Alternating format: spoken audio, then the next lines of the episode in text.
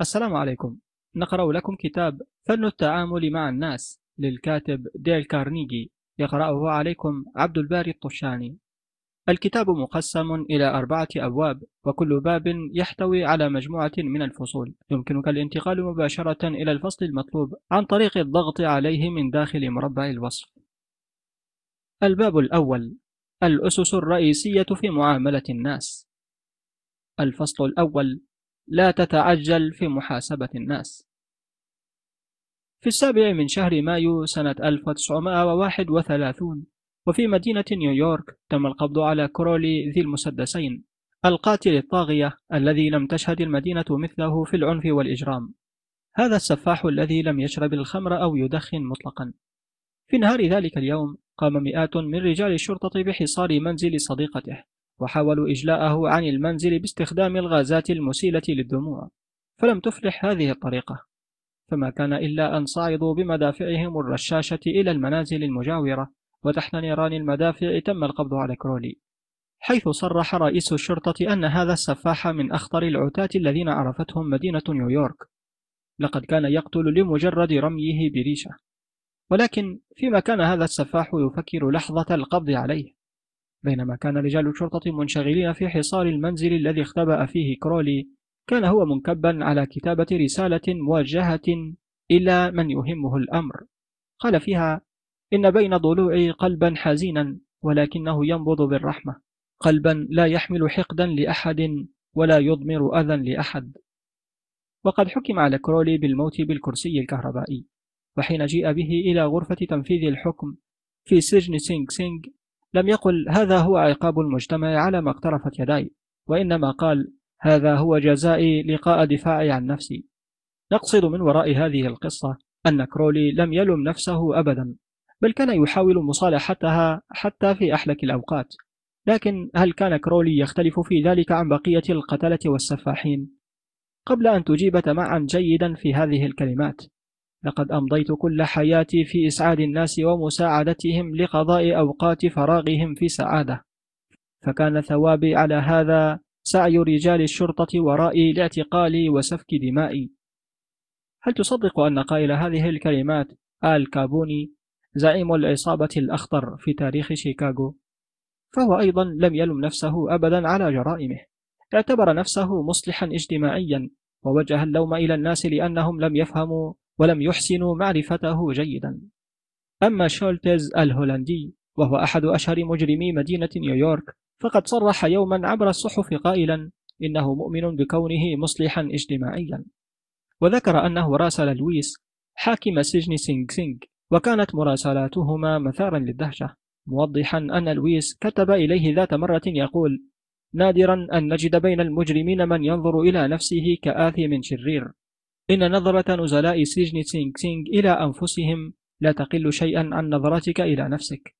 وهم قادرون أن يبرروا لك أعمالهم المنافية للقانون مؤكدين لك أنه لم يكن هناك ثمة مبرر لاعتقالهم وإيداعهم السجون. هكذا كان كرولي ذو المسدسين وآل كابوني وشولتز الهولندي وآخرون من نفس فصيلتهم.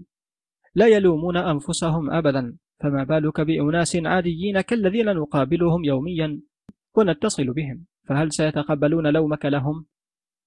المالي المعروف جون واناميكر كان يؤكد دائما في تصريحاته قائلا أيقنت من تجارب ثلاثين عاما أن من الحمق أن تلوم أحدا وانشغالي بإصلاح عيوب الناس يكفيني عن التفكر في أن الله سبحانه وتعالى لم يشأ أن يوزع هبة الذكاء بين الناس سواسية لكن إذا كان وأنا ميكر أدرك الدرس مبكرا فأنا أمضيت ثلاثين عاما في هذه الدنيا أتخبط قبل أن أتعلم أن تسعين بالمائة من الناس لا ينتقدون أنفسهم مهما بلغت أخطاؤهم. فاللوم مؤلم للغاية. يجعل الإنسان يقف مدافعا عن نفسه يسيق مبررات مواقفه للحفاظ على كبريائه وصورته أمام نفسه والآخرين. والأمثلة عديدة على مر التاريخ على عقم اللوم. كالخلاف الشهير بين ثيودور روزفلت والرئيس تافت والذي انتهى بهزيمة الحزب الجمهوري برياسة روزفلت هزيمة شنعاء في سياق الانتخابات على كرسي الرئاسة بالولايات المتحدة الأمريكية. ففي عام 1908 خرج روزفلت في رحلة صيد إلى غابات إفريقيا وتولى نيابة عنه تافت شؤون الرياسة لحين عودته.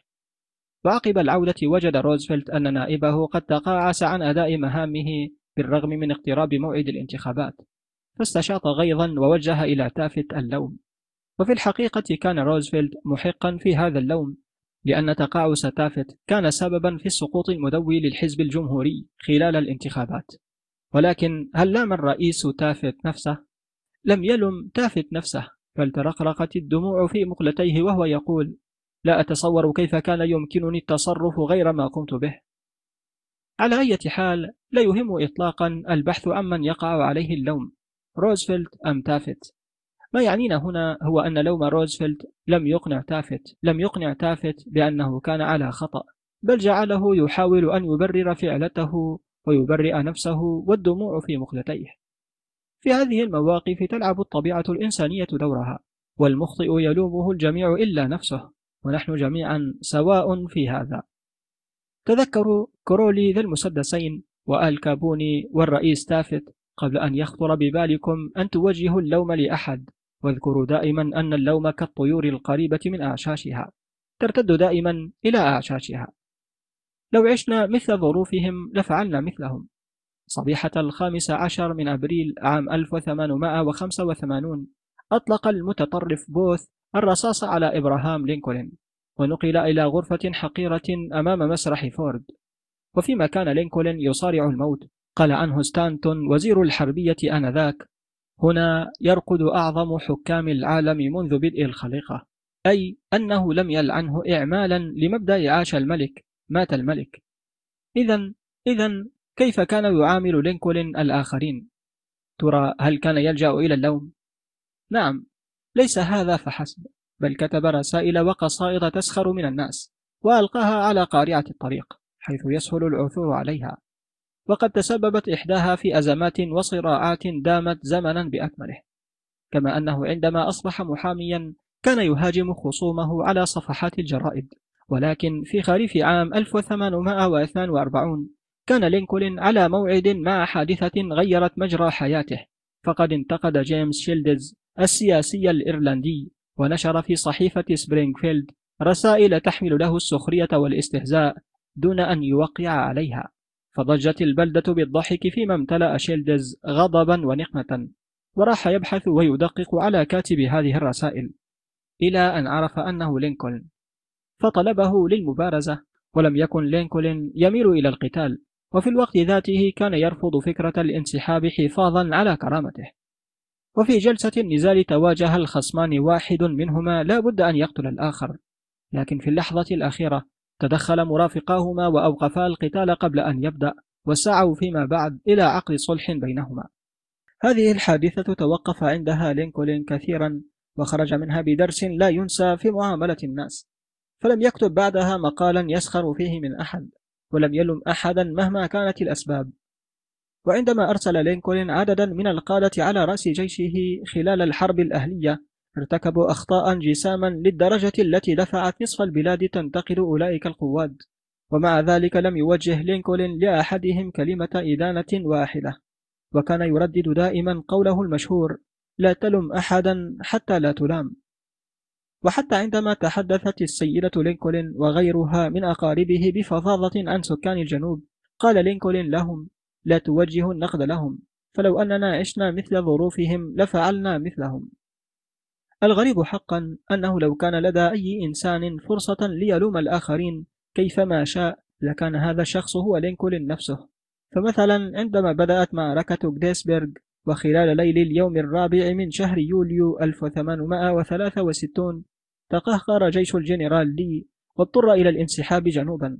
في وقت كانت فيه الأمطار تهطل بغزارة على البلاد وكستها بفيضان عارم. فلما وصل إلى بلدة بوتوماك بجيشه المنهزم وجد أمامه نهرا كبيرا تفيض مياهه على جانبيه الأمر الذي يحيل دون عبوره بينما كان خلفه جيش الشمال. فوقع عليه في حصار لا فرار منه. وعلم لينكولن ذلك ورأى أن في ذلك فرصة ذهبية للقضاء على جيش لي فأمر لينكولن قائده ميد بالهجوم على جيش الجنوب فورا فأخذ القائد ميد يماطل ويرسل للينكولن يعتذر بشتى الاعتذارات رافضا مهاجمة لي. حتى انحسر الماء عن ذلك النهر واستطاع القائد لي النجاة بقواته. فغضب لينكولن غضبا عارما صارخا في ابنه روبرت يا إلهي ماذا يعني ذلك؟ لقد كدنا أن نقضي عليهم وبرغم أوامري للجيش فلم ينفذ القائد ميد أوامري. وكتب لينكولن إلى ميد خطابا لا يخلو من خيبة أمل مريرة. عزيزي القائد ميد فأعتقد أنك تقدر سوء الطالع الذي حل بنا بسبب فرار القائد لي وجيشه. لقد كنا على وشك الانقضاض على جيشه ووضع حد لهذه الحرب. أما الآن فهذه الحرب ستطول إلى أجل لا يعلمه إلا الله. فإذا أنت لم تستطع أن تهاجم لي وجيشه يوم الاثنين الماضي فكيف ستتمكن من مهاجمته جنوب النهر؟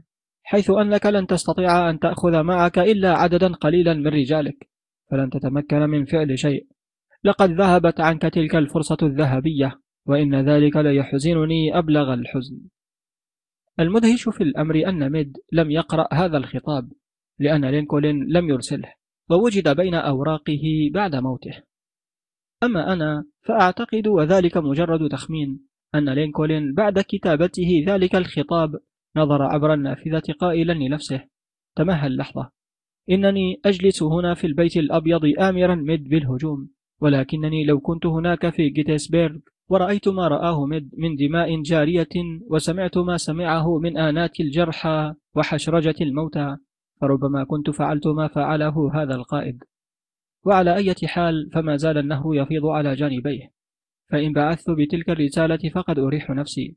ولكن ذلك سيدفع ميد إلى محاولة تبرئة نفسه كما سأجعله ينتقدني. وربما دفعه ذلك لأن يستقيل من الجيش.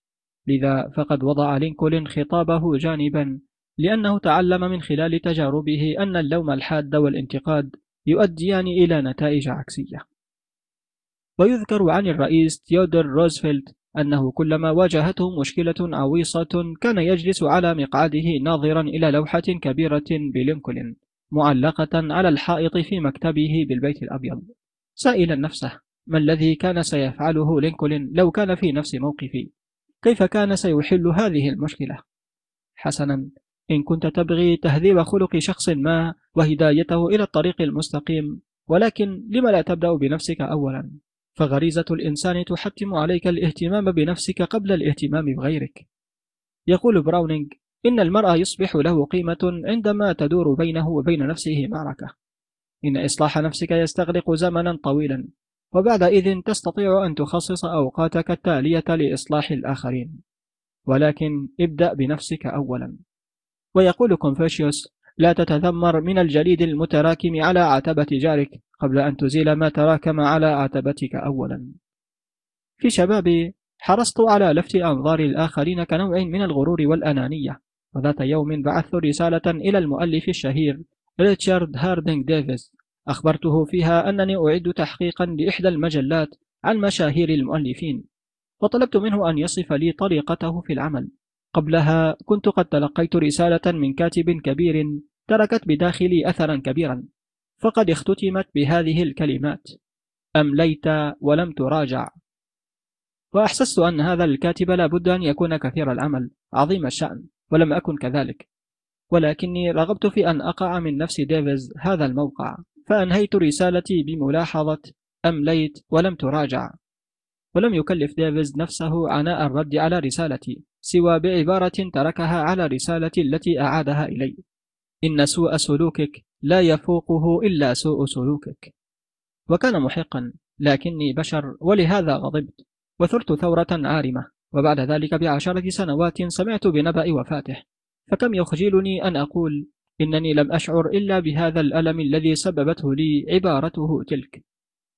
لنتذكر خلال معاملتنا مع الآخرين أننا لا نتعامل مع مخلوقات منطقية بل نتعامل مع مخلوقات عاطفية ذات أنفس مليئة بالأهواء والكبرياء والغرور. واللوم شرارة خطيرة من شأنها أن تسبب انفجارا للكبرياء انفجارا يعجل بالموت أحيانا. إن الانتقاد اللاذع جعل الكاتب البريطاني الشهير توماس هاردي يقلع عن الكتابة إلى الأبد كما دفع الشاعر الإنجليزي توماس شاترتون إلى الانتحار. وكان بنيامين فرانكلين في شبابه تنقصه اللباقة والكياسة في معاملة الناس ثم أصبح بعد ذلك من ألمع الدبلوماسيين. فما هو سر نجاحه؟ لقد علمته التجارب. فقال قولته الشهيرة لن أتحدث بسوء عن أحد بل سأتحدث عن الخير الذي أعرفه في كل إنسان. إن أي أحمق يستطيع أن ينتقد وأن يتهم وأن يلوم ومعظم الحمقى يفعلون ذلك. لكن على المرء أن يسيطر على نفسه وأن يكون متفهما ومتسامحا. ولنذكر قول الدكتور جونسون إن الله لا يحاسب الإنسان إلا بعد أن ينتهي أجله. فلماذا نتسرع أنا وأنت بمحاسبة الناس؟ قناة كتب عبد الباري الطشاني على اليوتيوب. الفصل الثاني السر الأعظم في معاملة الناس. يمكنك أن تجعل شخصا ما يقبل على عمل ما. إذا استطعت فقط ترغيب ذلك الشخص في هذا العمل.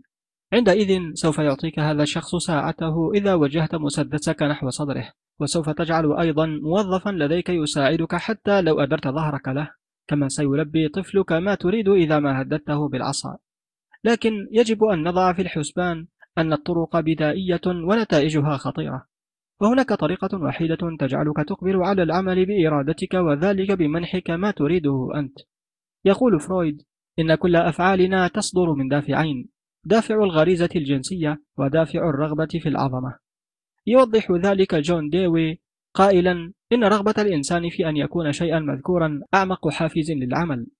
أي إنسان بالغ طبيعي يرغب في صحة جيدة غذاء متكامل نوم عميق المال حياة الآخرة الارتواء الجنسي معاش مناسب لأولاده أن يكون شيئا مهما.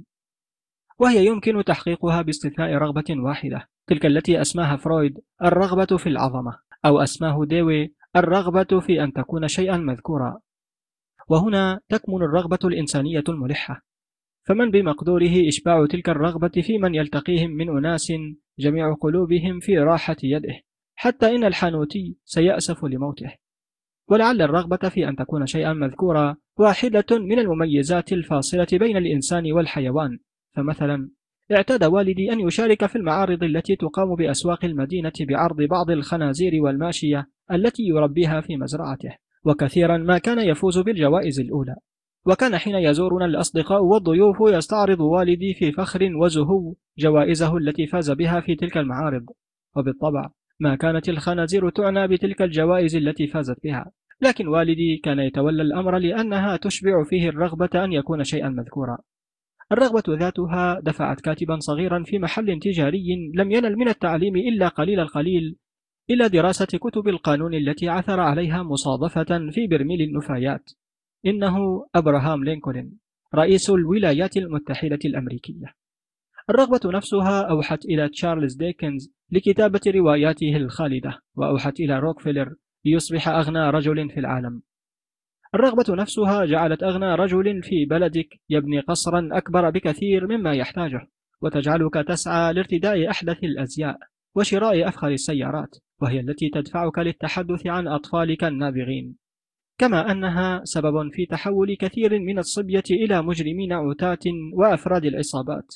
يقول مالروني رئيس الشرطة السابق في نيويورك إن أول ما يطلبه المجرم لحظة القبض عليه هي تلك الجريدة التي نشرت جرائمه وينسى تماما الكرسي الكهربائي الذي يموت عليه موتا شنيعا فهي بعيدة غاية البعد عن تفكيره. فكل ما يهمه هو رؤية صورته في صدر الصحيفة إلى جانب صور أينشتاين وروزفلت. كيفية إشباع رغبتك في أن تكون شيئا مذكورا تحدد أي نوع من الرجال أنت؟ بين أروقة التاريخ أمثلة عديدة لمشاهير كافحوا لتحقيق رغبة الشيء المذكور. جون روكفيلر منح أموالا طائلة لإقامة مستشفى في الصين لعلاج الآلاف من الناس من غير وطنه وجنسه. إنها الرغبة في أن يكون شيئا مذكورا.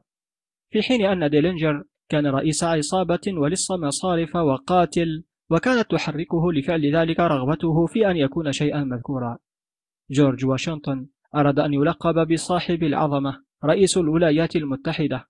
وكريستوفر كولومبوس طلب لنفسه لقب أميرال المحيط ونائب الملك في الهند. كاترين العظيمة كانت ترفض فتح الرسالة التي لا تحمل عبارة جلالة الملكة. زوجة لينكولن صرخت في وجه زوجة الجنرال جرانت قائلة كيف تجرؤين على الجلوس في حضوري قبل أن أسمح لك؟ أصحاب الملايين تسابقوا على صرف الأموال على رحلات الأميرال بيرد. الخاصة باكتشاف القطب الجنوبي طمعا في تخليد أسمائهم بعد موتهم وإطلاقها على قمم الجبال الثلجية. فيكتور هيغو أيضا كان يطمع في أن تسمى باريس باسمه تخليدا لذكراه. إن العجز في اكتساب عطف الناس واهتمامهم قد يؤدي ببعض الأشخاص إلى إصابتهم بالعجز. لنأخذ السيدة ماك كينلي مثلا على ذلك. فقد أشبعت رغبتها في الشعور بالأهمية عندما دفعت زوجها إلى الإهمال في أداء الرئاسة لكي يظل إلى جوارها في الفراش حتى تنام لأنها كانت تعاني من ألم في أسنانها. الدراسات العلمية كشفت عن أن نصف عدد المرضى بعقولهم يرجع سبب مرضهم إلى أضرار تصيب المخ نتيجة إدمان المخدرات أو المشروبات الكحولية أو الإصابات المختلفة للرأس ولكن إلى أي سبب يرجع مرض النصف الآخر؟ عندما طرحت هذا السؤال على طبيب أمراض عقلية أجابني بصراحة أنه لا يعرف لماذا يصبح الناس مجانين. ولكنه قال إن معظم المصابين بالجنون يجدون في الجنون شعورا بالأهمية لم يستطيعوا تحقيقه في عالم الواقع. ثم روى قصة مريضة لديه كانت ترغب من زواج الحب والارتواء الجنسي والأبناء والمركز الاجتماعي. ولكن الحياة قتلت آمالها إذ أنها تزوجت من رجل لم يكن يحبها. وشاءت الأقدار أن تكون عاقرا فأصيبت بالجنون. وصارت تتخيل أنها طلقت من زوجها وتزوجت من نبيل إنجليزي وأصبح اسمها ليدي سميث وأنها تنجب مولودا كل ليلة. لقد قال طبيبها لي لو أمكنني أن أرد لهذه السيدة عقلها لما فعلت لأنها الآن تنعم بالسعادة التي كانت ترغبها. إن المجانين أكثر سعادة مني ومنك. لقد استطاعوا في دنيا أحلامهم أن يحصلوا على السعادة التي عجزوا عن الحصول عليها في عالم الواقع.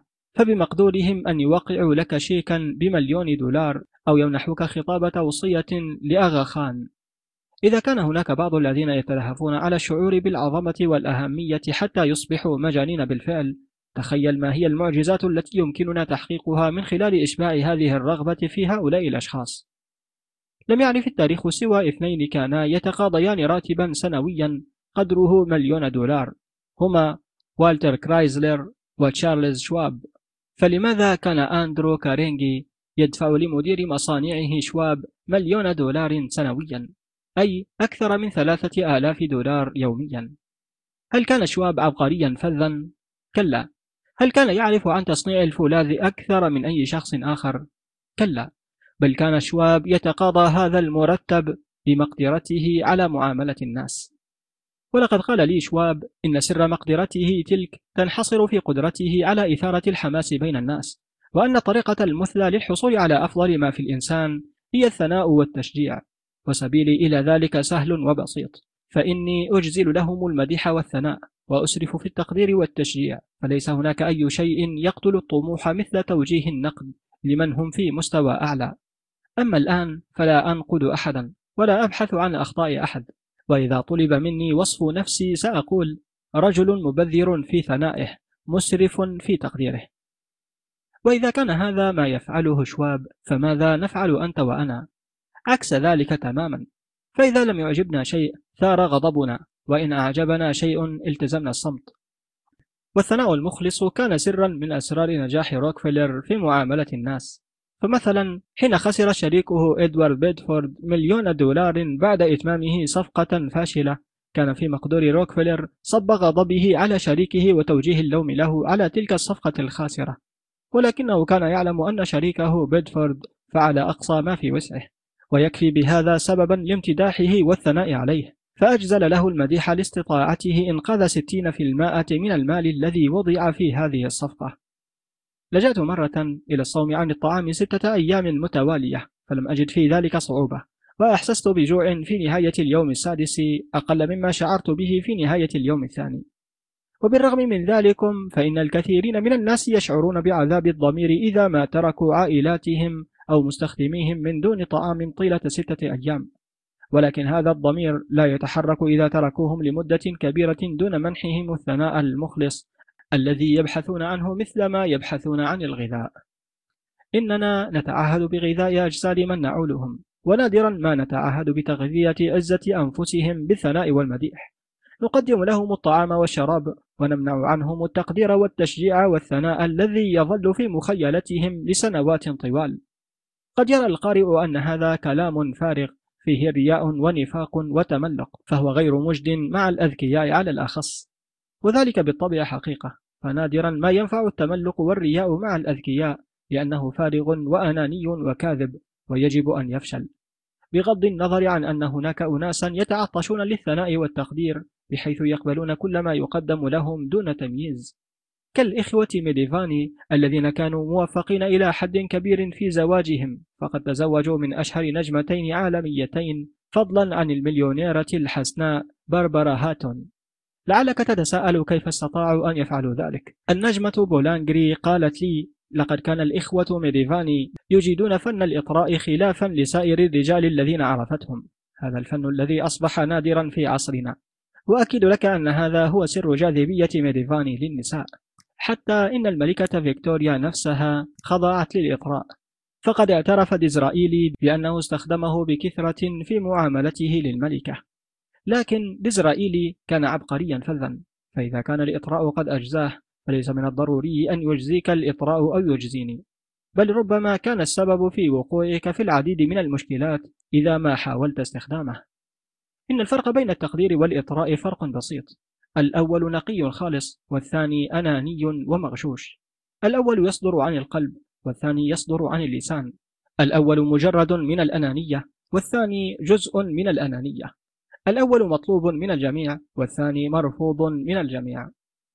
لقد رأيت أخيرا تمثالا نصفيا للجنرال أوبريغون في قصر تشابولتيك بمدينة مكسيكو وقد كتب على قاعدة التمثال كلمات حكيمة منتقاة من فلسفة أوبريغون لا تخشى الأعداء الذين يهاجمونك بل احذر الأصدقاء الذين يتملقونك.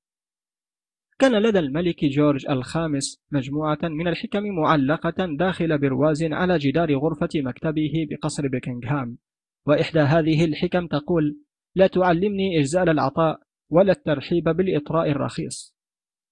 ويقصد بالإطراء الرخيص التملق الذي قرأت مرة تعريفا له بأنه إخبار الشخص الآخر بما يعتقده في نفسه. قال رالف والدوا إيمرسون إن كل إنسان أقابله هو أفضل مني بطريقة ما ومن هنا أستطيع أن أتعلم منه إن كان ذلك الأمر صحيحا لإيمرسون أليس من المحتمل أن يكون صحيحا بالنسبة لي ولك؟ دعونا من التفكير في أنفسنا وتعالوا نعدد الصفات الطيبة في كل إنسان نقابله ونمنحه الثناء الصادق والمخلص كن مبذرا في ثنائك سخيا في امتداحك يحفظ الناس كلماتك ويذكرونها طيلة حياتهم حتى بعد أن تنساها أنت. قناة كتب عبد الباري الطشاني على اليوتيوب.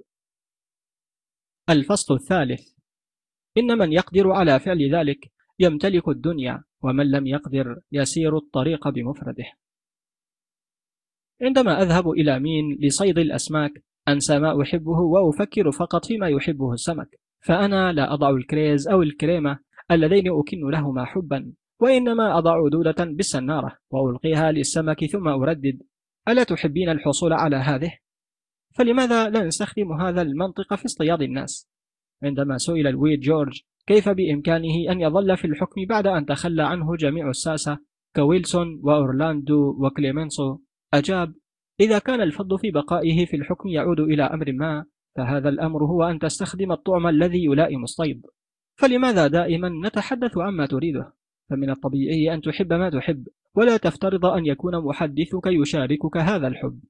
والطريقة الوحيدة للتأثير على الشخص الآخر أن تتحدث عما يريده هو وأن ترشده إلى طريقة تحقيقها. حاول غدا أن تستميل شخصا ما على أن يفعل شيئا. فمثلا إذا كنت تريد أن تجعل ابنك يقلع عن التدخين فلا تعظه ولا تتحدث عما تريده. واشرح له أن التدخين قد يعوقه عن الفوز في مباراة كرة أو في سباق عدو. من الأفضل أن تتذكر ذلك في تعاملك مع أطفالك أو مع صغار العجول أو القردة. في ذات يوم أراد رالف والدو إيمرسون هو وابنه أن يجعلا عجلا صغيرا يعود إلى حظيرته ولكنهما ارتكبا الخطأ الشائع بالتفكير فيما يريدان. إيمرسون يدفع العجل وابنه يجذب دون جدوى وكان العجل مثلهما تماما يفكر بما يريد هو فثبت أقدامه في الأرض ورفض أن يبرح مكانه قيد شعره. زوجة إيمرسون رأت المشهد من نافذة منزلها ولم تكن ماهرة كزوجها في كتابة المقالات والكتب ولكنها كانت تدرك ما يريده صغار العجول فقد ذهبت إلى العجل ووضعت إصبعها في فمه ليلعقه ثم قادته بيسر إلى داخل الحظيرة. في كتابه الشهير التأثير بالتصرف الإنساني قال هاري أوفرستريت كل عمل مصدره رغبة كامنة في النفس وأفضل نصيحة للذين يعملون بإقناع الناس في العمل أو البيت أو المدرسة أو في السياسة هي أولا أن تخلق في الشخص الآخر رغبة جامحة في أن يفعل ما تريد. فمن يستطيع ذلك يمتلك الدنيا ومن لم يستطع يسير الطريق بمفرده.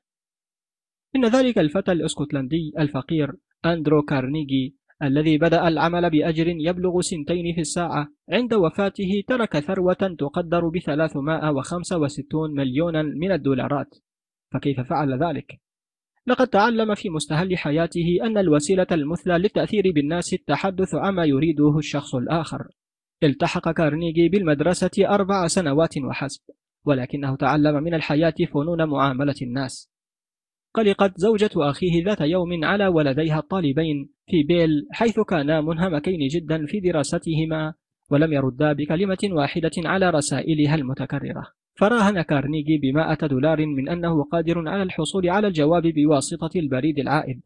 فكتب إلى الشابين خطابا يقول فيه إنه أرفق بخطابه حوالة بمبلغ خمسة دولارات وأغفل وضع الحوالة. وما لبث الجواب أن عاد مع البريد العائد يشكر العم العزيز أندرو لهذه الرسالة الرقيقة.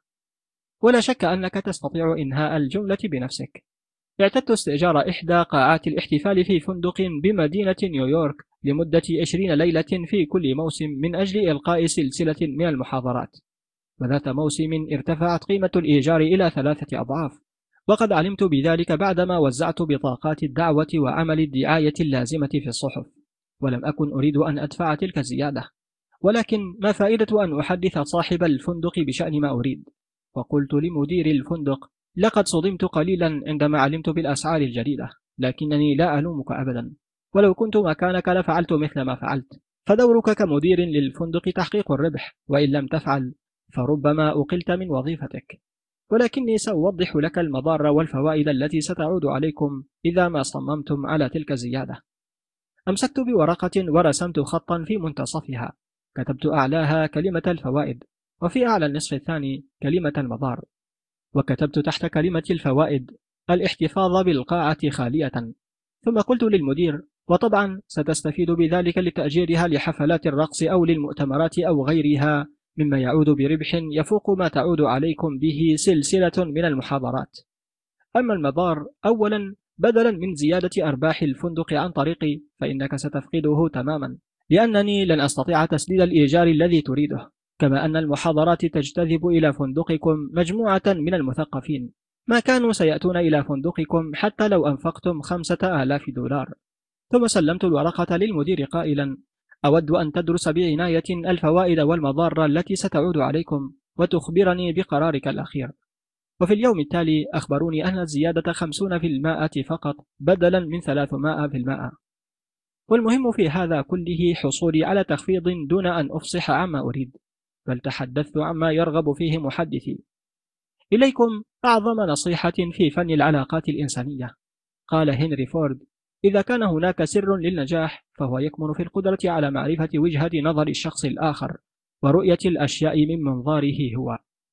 إن أي إنسان عادي يستطيع أن يحس صدق هذا القول ومع ذلك فإن تسعين بالمائة من الناس يتجاهلون هذه الحقيقة تسعون بالمائة من الوقت. يجوب آلاف البائعين طولا وعرضا وهم منهكون ومتعبون ولا يكادون يحصلون على أي مكسب يذكر. لماذا؟ لأنهم يفكرون دائما بما يريدونه فقط ولو تمكنوا أن يرغبون في بضاعتهم لذهبنا إليهم واشتريناها. ذات يوم وأنا متجه إلى محطة القطار قابلت أحد السماسرة وكان خبيرا بمنطقة فورست هيلز حيث أقيم. فسألته هل المنزل الذي أرغب في شرائه مبني من الأسمنت المسلح؟ فقال إنه لا يدري. وأخبرني بما أعرفه سلفا أن أسأل عن ذلك لدى اتحاد حدائق فورست هيلز ثم طلب مني أن يتولى عقد الصفقة لم يكن يهتم بمساعدتي بل كان يهتم بمساعدة نفسه. وكان يجب أن أعطيه نسختين من كتاب فاشرينغ البائع المتجول وثروة للمشاركة. فإن قرأ هذين الكتابين وعمل وفقا للمبادئ الواردة فيهما لاستفاد من ذلك في حياته العملية فائدة لا تقدر بثمن. منذ بضع سنوات كنت أجلس في عيادة أخصائي الأنف والأذن والحنجرة وبادرني الطبيب قبل أن يفحصني بسؤال ما عملك؟ لم يكن يهتم بمرضي ولكنه كان مهتم بقدرتي المالية.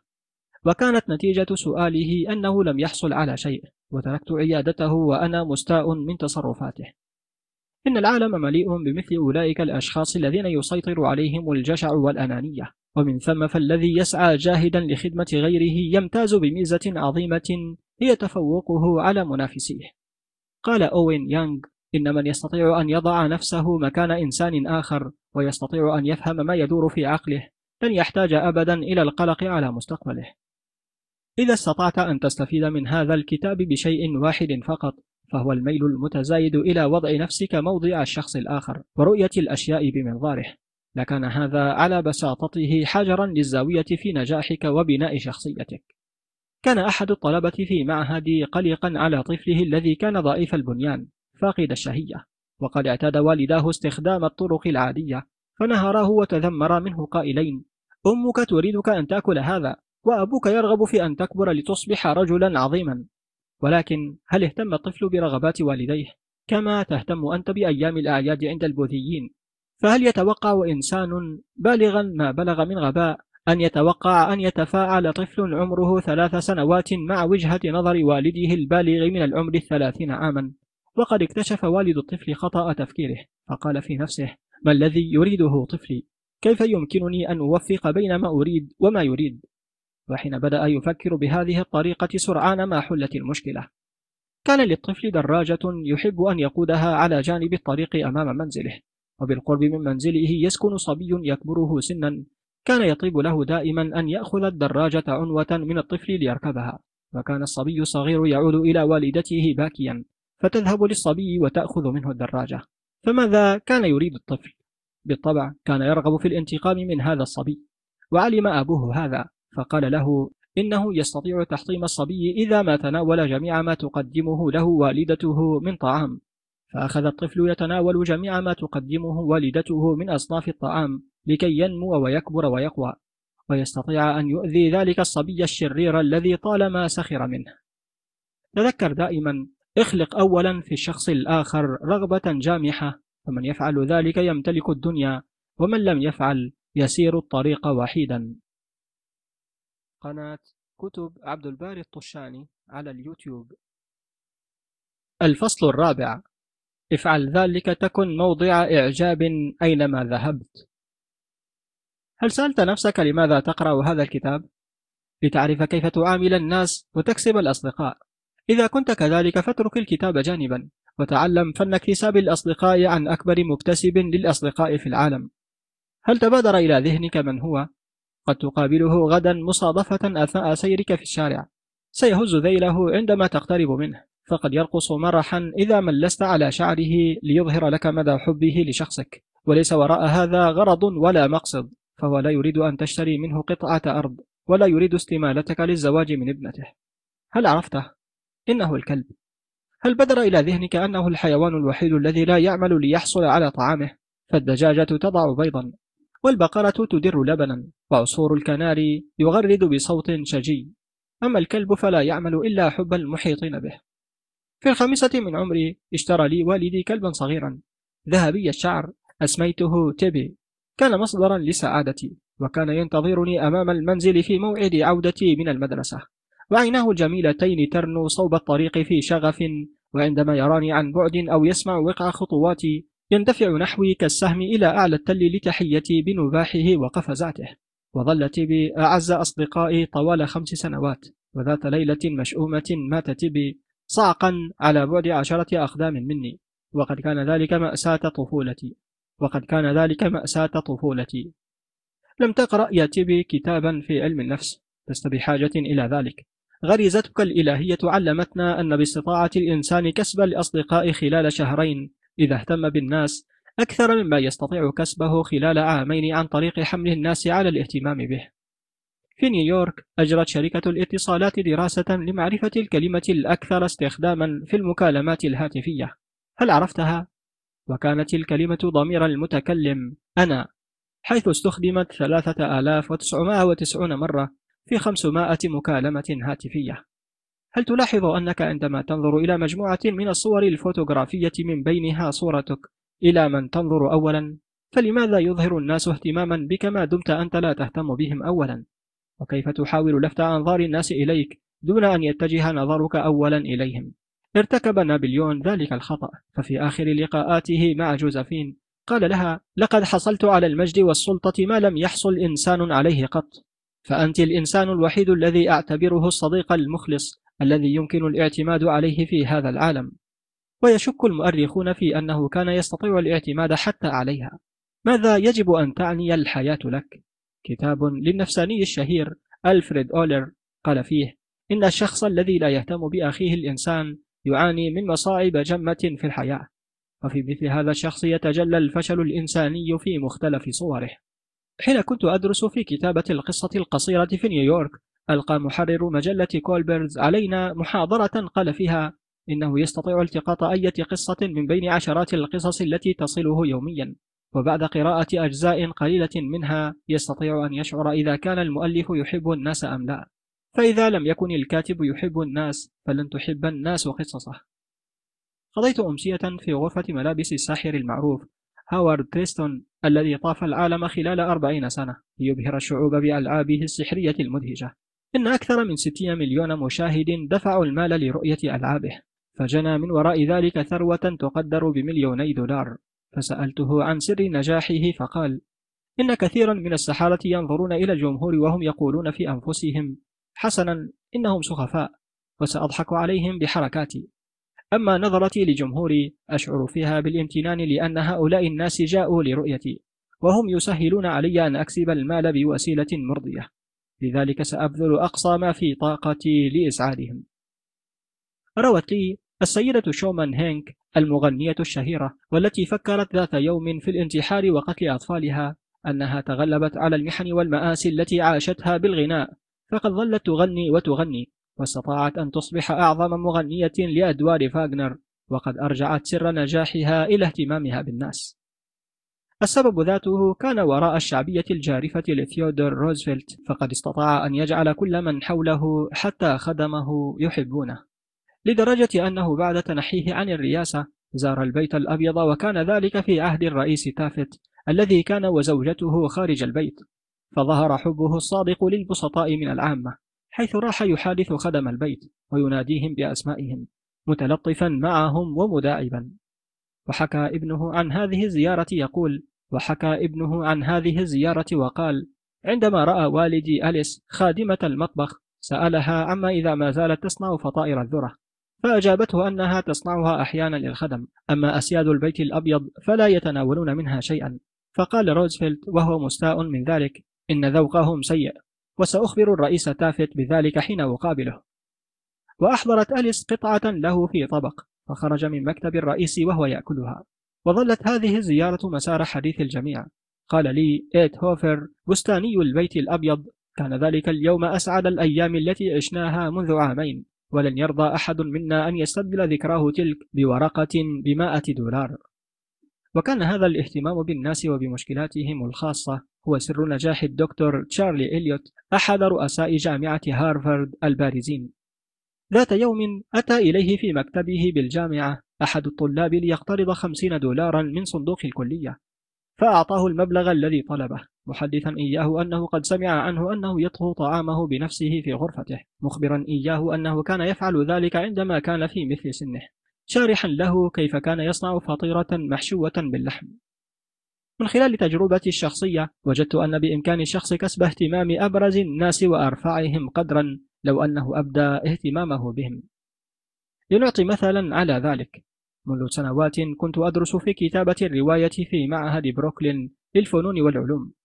وأردنا نحن الطلبة استدعاء كاثلين نوريس وفاني هيرست وإيدا تاربل وألبرت بيسون تيرهيون وروبرت هيوز وغيرهم من المؤلفين المشهورين لنستفيد من تجاربهم. فكتبنا لهم نخبرهم إعجابنا بأعمالهم ولهفتنا لمعرفة سر نجاحهم. وقد وقع هذه الرسائل أكثر من 150 طالبا. وقلنا إننا نعلم أنهم مشغولون في العمل. الأمر الذي قد يتعذر معه عليهم الحضور شخصيا. فأرفقنا مع الرسالة قائمة بالأسئلة لكل منهم تتعلق بحياتهم الشخصية وطريقتهم في الكتابة راجين الإجابة عنها. وبالرغم من ذلك حضر هؤلاء الكتاب المشاهير إلى بروكلين بأنفسهم لمساعدتنا والرد على تساؤلاتنا. جميعنا ملوكا أو صعاليك نحب من يقدرنا ويظهر إعجابه بنا. فمثلا القيصر الألماني السابق جيليوم نال الكثير من الذل والمهانة إبان الحرب العالمية الأولى. حتى إن شقيقه انقلب عليه بعد أن فر إلى هولندا لينجو بنفسه من الموت.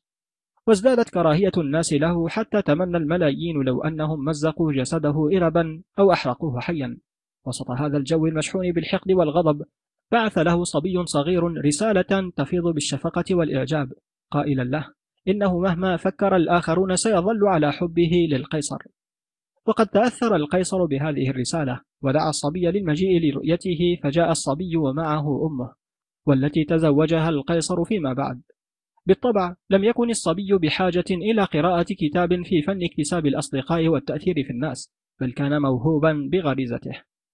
وعلينا إذا أردنا كسب الأصدقاء تكريس أنفسنا لخدمة الآخرين مجردين أنفسنا من الأنانية والتفكير في الذات.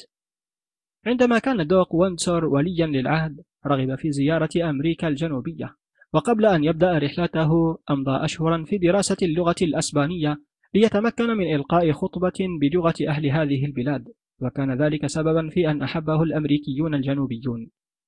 تدرب شركة الاتصالات بنيويورك موظفيها على قول الرقم من فضلك بلهجة تعني صباح الخير يسعدني أن أخدمك. لنتذكر هذا حين نجيب على الهاتف غدا. هل ينفع هذا المنطق في العمل؟ باستطاعتي أن أقدم عدة أمثلة للتدليل على ذلك ولكن لا يتسع الوقت إلا لذكر مثلين اثنين. تولى تشارلز والترز الموظف بأحد البنوك الكبيرة في نيويورك إعداد تقرير عن شركة محددة ولم يكن سوى رئيس شركة صناعية يستطيع من خلالها جمع المعلومات والبيانات التي يحتاجها فذهب لمقابلته. وحين دخل إلى مكتبه أطلت شابة من الباب وأخبرت الرئيس أن لا طوابع لديها اليوم. وعلق الرئيس على ذلك قائلا للسيد والترز إنني أجمع الطوابع لابني البالغ من العمر 12 عاما. وشرح والترز الهدف من زيارته. وبدأ في إلقاء أسئلته. ولكن الإجابات كانت تأتيه غامضة ومبهمة فكانت المقابلة مختصرة جافة. قال السيد والترز وهو أحد تلاميذي بصراحة لم أعرف كيف أتصرف. ثم فجأة تذكرت طوابع البريد وابن رئيس الشركة وتذكرت أيضا أن البنك الذي أعمل فيه تأتيه طوابع بريد من كل أنحاء العالم. وفي اليوم التالي توجهت إلى الرجل وأخبرته أنه لدي طوابع لابنه. وسرعان ما كان الرجل في استقبالي وأخذ يصافحني بترحيب وحماس كما لو كنت قد حملت إليه خبر انتخابه كعضو بالكونغرس. وقال وهو ينظر للطوابع سيعجب جورج بهذه انظر إلى هذه إنها رائعة جدا. وقضينا نصف ساعة نتحدث عن الطوابع وننظر إلى صورة ابنه. ثم خصص أكثر من ساعة من وقته لإمدادي بالمعلومات التي أحتاجها. ثم استدعى بعض معاونيه لسؤالهم واتصل بآخرين فأصبح لدي معلومات أكثر بكثير مما كنت أنتظره. وإليكم المثل الآخر.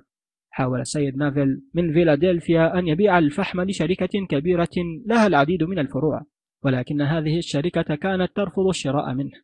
وألقى السيد نافل وكان من تلاميذي خطابا أمام الطلبة يصب فيه جام غضبه على تلك الشركة وأخذ يصفها بأنها وصمة عار في جبين تلك الأمة. فأجرينا حوارا بين فريقين موضوعه. انتشار الشركات ذات الفروع تضر بالأمة أكثر مما تنفعها. وبناء على نصيحتي اتخذ نافل الجانب المعارض وأن يستعين بمدير هذه الشركة لإعداد كلمته. وذهب نافل على الفور إلى مدير الشركة التي يحقد عليها وقال له لست هنا لأحاول أن أبيع لكم الفحم بل جئت لأطلب منكم خدمة. وقص عليه نبأ تلك المناقشة وقال جئت أطلب المساعدة لأنني لم أتمكن من التفكير بأحد سواك يستطيع أن يوفر لي الحقائق التي أحتاجها فإنني أريد الفوز بهذه المناقشة وأشكر لك أية مساعدة تقدمها لي من كل قلبي.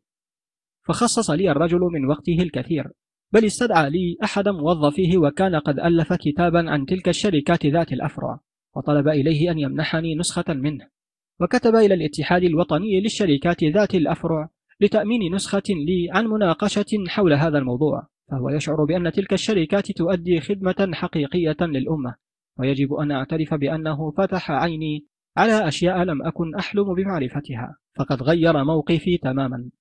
وحين غادرت المكتب قام بتوصيلي بنفسه إلى الباب ولف ذراعه حول كتفي وهو يتمنى لي النجاح في المناقشة وطلب مني أن أزوره مرة ثانية لأخبره بنتيجة تلك المناقشة. وكانت آخر كلمة قالها أرجو أن تأتي لزيارتي في الربيع فأنا أريد شراء صفقة فحم منك.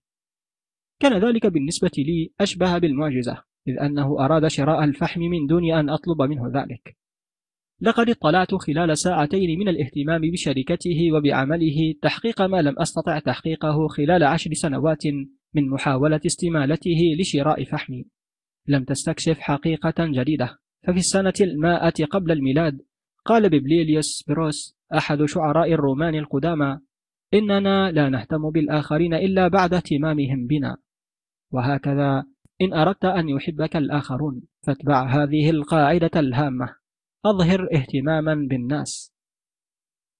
قناة كتب عبد الباري الطشاني على اليوتيوب. الفصل الخامس. كيف تجعل الناس يحبونك في الحال؟ بينما كنت واقفا في الطابور لتسجيل رسالة في مكتب البريد لمحت الموظف منزعجا من عمله يزن الخطابات ويسلم الطوابع ويعيد باقي النقود ويحرر الإيصالات. عمل رتيب متشابه يتكرر سنة بعد أخرى. فقلت في نفسي سأحاول أن أجعل هذا الفتى يحبني. وطبيعي إذا رغبت في أن يحبني فيجب أن أقول له قولا لطيفا لا عن نفسي وإنما عنه هو. فتساءلت ما هو الشيء الذي يستحق أن أبدي إعجابي به؟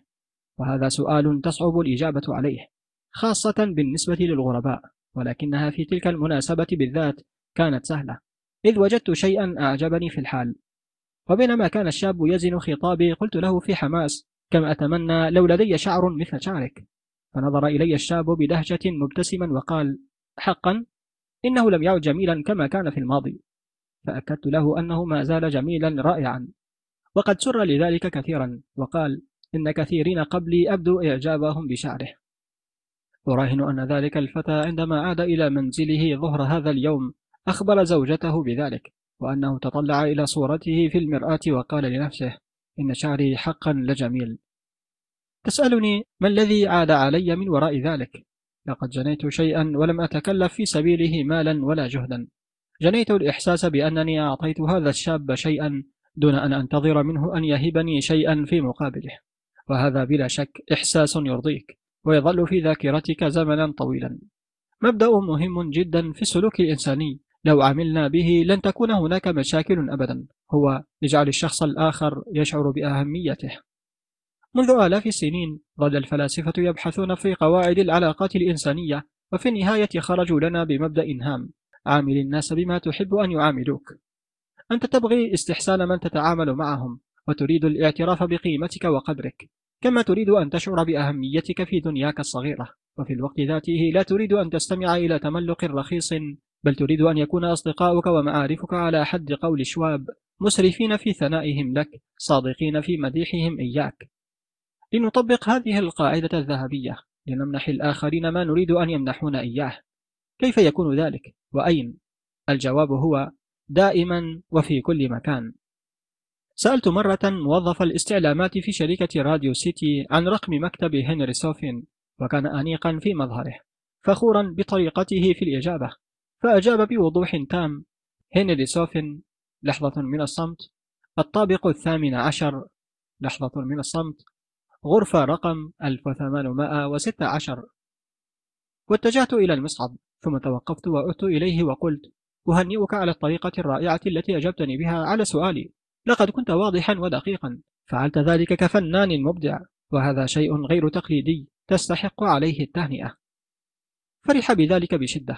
وشرح لي لماذا توقف بين الجملة والأخرى. ولماذا نطق بكل عبارة بالطريقة التي نطقها بها. وقد جعلته كلماتي يصلح وضع رباط عنقه. وبعدما وصلت إلى الطابق الثامن عشر تملكني شعور بأنني منحت ذلك الشاب سعادة لا حدود لها. لا تنتظر حتى تصبح سفيرا لدى فرنسا لكي تبدأ باستخدام هذه القاعدة بل يمكنك استخدامها في كل يوم ومع كل إنسان.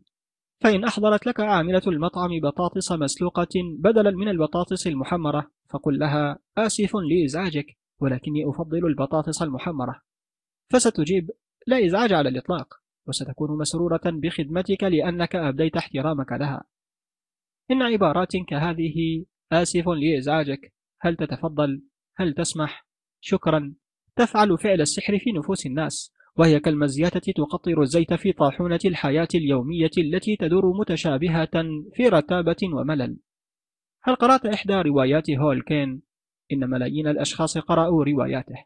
لقد كان ابن حداد ولم يقضي في المدرسة أكثر من ثمان سنوات وبرغم ذلك فقد أصبح فيما بعد من أعظم الأدباء في العالم وأكثرهم ثراء.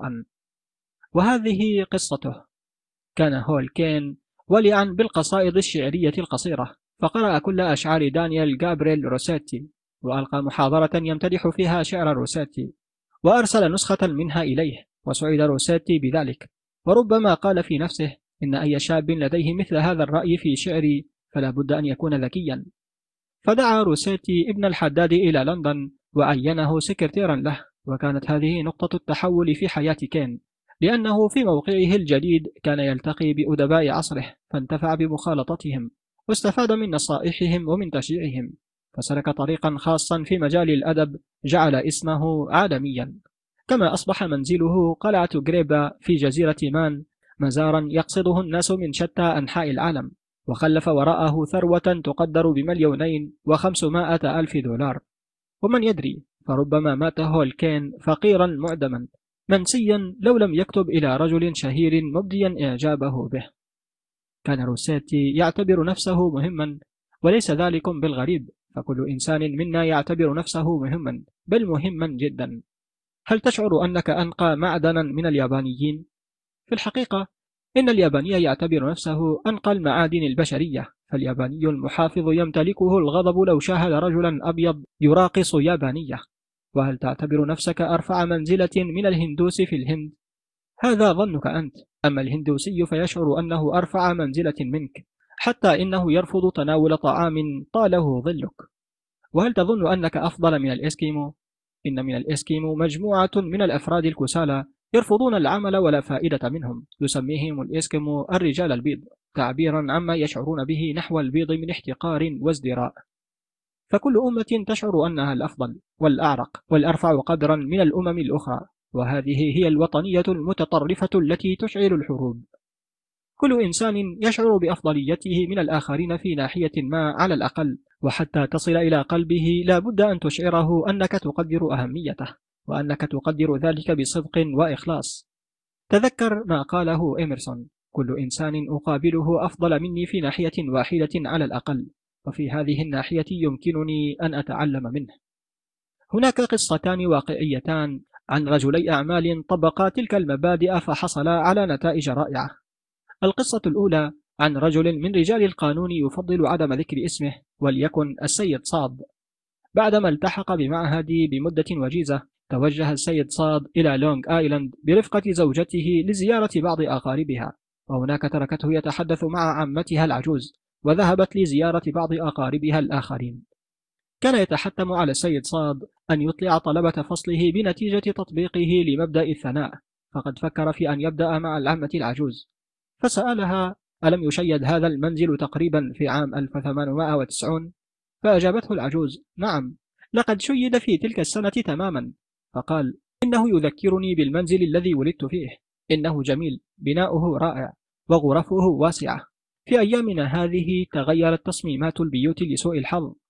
فردت العامة العجوز. شبان اليوم لا يهتمون بالبيوت الجميلة. كل ما يريدونه هو شقة صغيرة وثلاجة كهربائية وسيارة يتجولان بها. وبنبرة حنين للماضي أتبعت حديثها قائلة لقد بني ذلك البيت بالحب.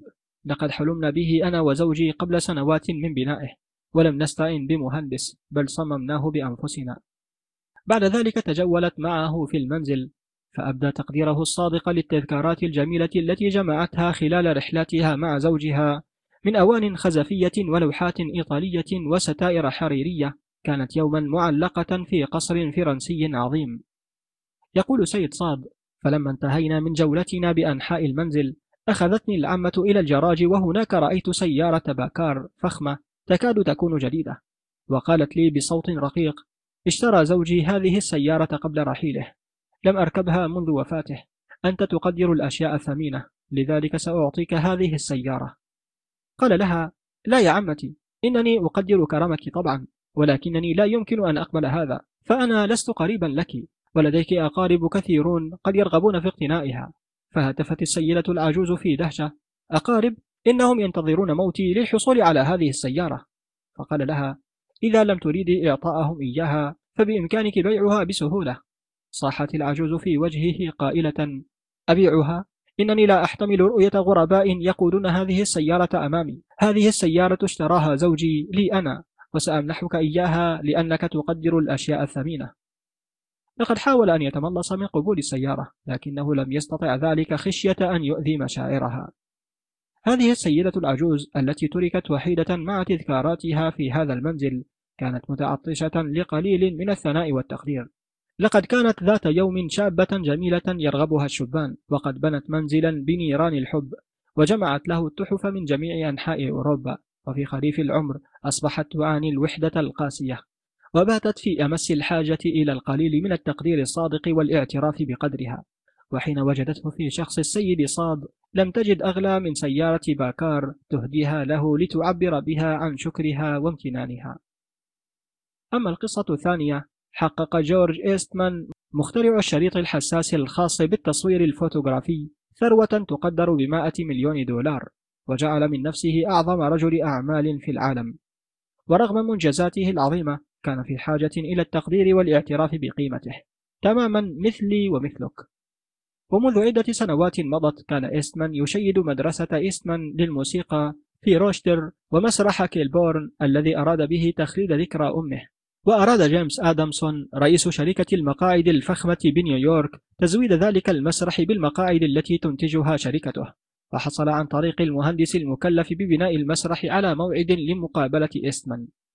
وفي الموعد المحدد كان آدمسون على باب مكتب جورج إيستمان حيث قابله المهندس قائلا أعلم أنك تسعى لعقد صفقة مربحة ولكنني أخبرك أنك لن تحظى بأكثر من خمس دقائق من وقت إيستمان لأنه منشغل دائما. فأخبره بما جئت من أجله بسرعة واخرج. فعندما سمح له بالدخول وجد أن السيد إيستمان غارقا في كومة من الأوراق على مكتبه فلما فرغ منها أسرع آدمسون يقول أود أولا يا سيد إيستمان إبداء إعجابي الشديد بأثاث غرفة مكتبك وأنت تعلم أنني أعمل في تأسيس المنشآت الكبرى ولكني لم أرى في حياتي أثاثا بهذه الروعة. أجاب إيستمان وقد انفرجت أساريره.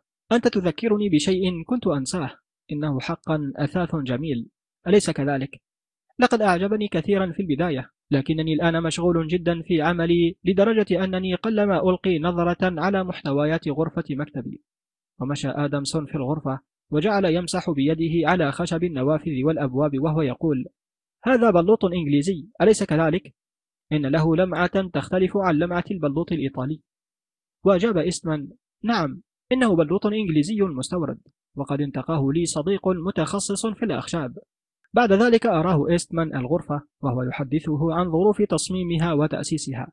فلما وقفا أمام النوافذ أشار إيستمان من خلالها بإصبعه إلى مجموعة من المؤسسات التي أسسها من أجل خدمة الإنسانية كجامعة روشستر والمستشفى العام ومستشفى الأطفال فهنأه السيد آدمسون بحرارة على طريقته المثالية في استخدام ثروته من أجل تخفيف معاناة الإنسانية. وفتح إيستمان صندوقا زجاجيا والتقط أول آلة تصوير امتلكها وقد اشتراها من رجل إنجليزي. وسأله آدمسون عن كفاحه المبكر فتكلم إيستمان عن فقره وطفولته وصباه وأخبره عن أمه الأرملة وكيف كانت تشرف على شؤون البيت بينما هو كان يعمل بإحدى شركات التأمين مقابل أربعين سنتا في اليوم. وقد جذبه السيد آدمسون لمزيد من الحديث ببضعة أسئلة أخرى ثم أمضى يصغي إليه وهو يتحدث عن تجاربه في فنون التصوير بالورق الحساس وكيف كان يعمل ليلا ونهارا في تجاربه. وكيف كان ينام مرتديا ثيابه حتى لا يضيع وقتا في ارتدائها إذا استيقظ مرت ساعتان على لقاء آدمسون بإيستمان وأخيرا التفت إيستمان إلى آدمسون قائلا له عندما كنت في اليابان اشتريت بعض الكراسي وأحضرتها معي إلى منزلي ووضعتها في الشرفة ولكن الشمس محت طلاءها فاشتريت بعض الطلاء وأعدت دهانها بنفسي أترغب أن ترى كيف فعلت ذلك؟ إنني أدعوك لمنزلي لنتغدى معا وأريك تلك الكراسي. وذهب إليه آدمسون وبعد الغداء أطلعه إيستمان على الكراسي التي اشتراها من اليابان ولم يكن ثمن القطعة منها يتعدى الدولار والنصف. ولكن إيستمان كان فخورا بها لأنه دهنها بنفسه. ولقد نجحت صفقة آدمسون وبلغت قيمة العطاء لتأسيس المسرح تسعون ألف دولار. أين يجب لك ولي أن نبدأ بتطبيق هذه التركيبة السحرية؟ الثناء لماذا لا نبدأ في منازلنا؟ فأنا لا أعرف مكانا آخر أشد من منازلنا حاجة إلى ذلك ولا أشد منه حرمانا لا بد أن تكون لزوجتك مزايا حسنة أو على الأقل لا بد أنك فكرت بذلك عندما أقدمت على الزواج منها لكن كم مضى من الوقت على آخر مرة أظهرت فيها إعجابك بجمالها؟ كم؟ قرأت للكاتبة ذائعة الصيت دوروثي ديكس مقالا أعجبت به لدرجة أنني قطعته واحتفظت به. قالت دوروثي في مقالها ذاك إنها سئمت من المواعظ التي تقدم للعرائس وأجدى من هذا أن ينفرد شخص مجرب حكيم بالعريس ويقول له لا تتزوج قبل أن تقبل صخرة بلارني عسى ألا تنقطع عذوبة كلامك عن زوجتك واعلم أن امتداح المرأة قبل الزواج هو من قبيل الميل والانعطاف لكن امتداحك لها بعد الزواج هو أمر ضروري للمحافظة على راحة البال والهناء العائلي. إن الحياة الزوجية ليست مكانا لإثبات الإخلاص وحسن النية بقدر ما هي للدبلوماسية وحسن التدبير فإن كنت ترغب في العيش الرغيد فلا تنتقد عمل زوجتك المنزلي ولا تعقد المقارنات بينها وبين والدتك أو أختك ولكن كن على العكس سخيا في امتداحك لتدبيرها. وهنئ نفسك علنا على زواجك من امرأة جمعت بين محاسن فينوس ومينيرفا وماري آن وحتى حين يكون اللحم الذي أمامك كالجلد والخبز كالحجر الصلب فلا تتذمر بل اذكر ملاحظتك بقول عابر وبذلك تدفعها إلى العناية أكثر بتحضير الطعام لكي تكون عند حسن ظنك. لا تبدأ ذلك فجأة وإلا سترتاب بالأمر لكن في هذه الليلة أو الليلة المقبلة أحضر لها بعض الأزهار أو صندوقا من الحلوى وأفضل من هذا قدم لها الابتسامة أيضا وبعض الكلمات المخلصة هل تحب أن تعرف كيف تجعل امرأة تقع في حبك؟ حسنا إليك بالسر لكنها ليست فكرتي بل اقتبستها من دوروثي ديكس إذ تقول ذات يوم قابلت رجلا تم القبض عليه متلبسا بتهمة تعدد الزوجات فاز بقلوب ومدخرات ثلاثة وعشرين امرأة فلما سألته عن طريقته لجعل النساء تقع في حبه قال إنه لا يلجأ إلى الحيلة أبدا. كل ما كان يفعله هو أن يحدث المرأة عن نفسها طول الوقت والطريقة ذاتها تفيد مع الرجال كذلك. قال ديزرائيلي تحدث إلى الرجل عن نفسه ينصت إليك لساعات فإذا كنت تريد أن يحبك الناس استخدم هذه القاعدة. أسبغ التقدير على الشخص الآخر واجعله يشعر بأهميته. قناة كتب عبد الباري الطشاني على اليوتيوب. الباب الثاني طرق لاجتذاب الناس إلى طريقة تفكيرك. الفصل الأول الطريقة الأكيدة لخلق الأعداء. إذا كنت على صواب ثلاثة أرباع الوقت أكون بذلك حققت أقصى ما أحلم به. إذا كان ثيودور روزفلت رئيس الولايات المتحدة الأسبق وأشهر رجال القرن العشرين فكيف هو الأمر بالنسبة لي ولك؟ إذا وثقت بأنك على حق نصف الوقت فقط لاستطعت عندئذ الذهاب إلى وول ستريت وأن تكسب مليون دولار في اليوم وأن تشتري يختا وتتزوج من فتاة رائعة وإذا لم تثق بأنك على حق نصف الوقت فلماذا تقول عن الآخرين إنهم مخطئون؟ إن في إمكانك أن تقول للشخص الآخر إنه مخطئ من خلال نظرة أو لفتة أو حركة وتكون في ذلك بليغا باستخدامك الكلمات وإذا صارحت شخصا أنه مخطئ لن يوافقك على ذلك لأنك وجهت ضربة مباشرة إلى ذكائه وحكمته واعتزازه بنفسه لكنها لن تثنيه عن رأيه. حتى لو لجأت إلى منطق أفلاطون أو إيمانويل لن تستطيع تغيير رأيه لأنك جرحت مشاعره. لا تبدأ حديثك أبدا بالقول سأبرهن على كذا وكذا فإن هذا القول يعادل قولك أنا أذكى منك لذا سأطلعك على شيء يغير من رأيك إن هذا تحد يثير العداء ويدفع الشخص الآخر إلى النضال قبل أن تبدأ حديثك إذا أردت إثبات شيء فلا تعلن أنك الأذكى مسبقا وافعل ذلك بكياسة ولباقة وفي صمت دون أن يشعر أحد. نصح اللورد شيتفليرد ابنه قائلا كن أعقل الناس إذا استطعت ولكن لا تحدث الناس بذلك. إنني لا أصدق اليوم شيئا كنت أصدقه منذ عشرين عاما ما عدا جدول الضرب. وحتى هذا أتشكك فيه عندما أطالع كتب أينشتاين. وبعد عشرين عاما أخرى ربما لن أصدق ما ذكرته في هذا الكتاب فلست متأكدا من شيء كنت متأكدا منه. يقول سقراط أنا لا أعلم شيئا علم اليقين إلا أنني لا أعلم شيئا. فإذا قال شخص عبارة تعتقد أنها خطأ أليس من الأفضل أن تقول له أظن أن لي رأيا آخر وربما أكون مخطئا فكثيرا ما أخطئ. فإذا كنت مخطئا فإني أريد أن تصحح لي خطئي. فدعنا نتحرى الوقائع. إن هذا السحر يكمن في مثل هذه العبارات. ربما كنت مخطئا وأنا كثيرا ما أخطئ. ودعنا نتحرى الوقائع. فلا أحد يستطيع أن يعترض على قولك ربما أكون مخطئا. وتأكد أنك لن تقع في المشكلات ما دمت اعترفت أنك قد تكون مخطئا.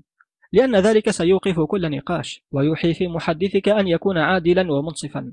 مما يجعله يسلم بأنه هو الآخر قد يكون مخطئا. فإذا أصررت بعد هذا على أن تقول للنساء إنهم مخطئون فقرأ العبارة التالية كل صباح قبل الإفطار.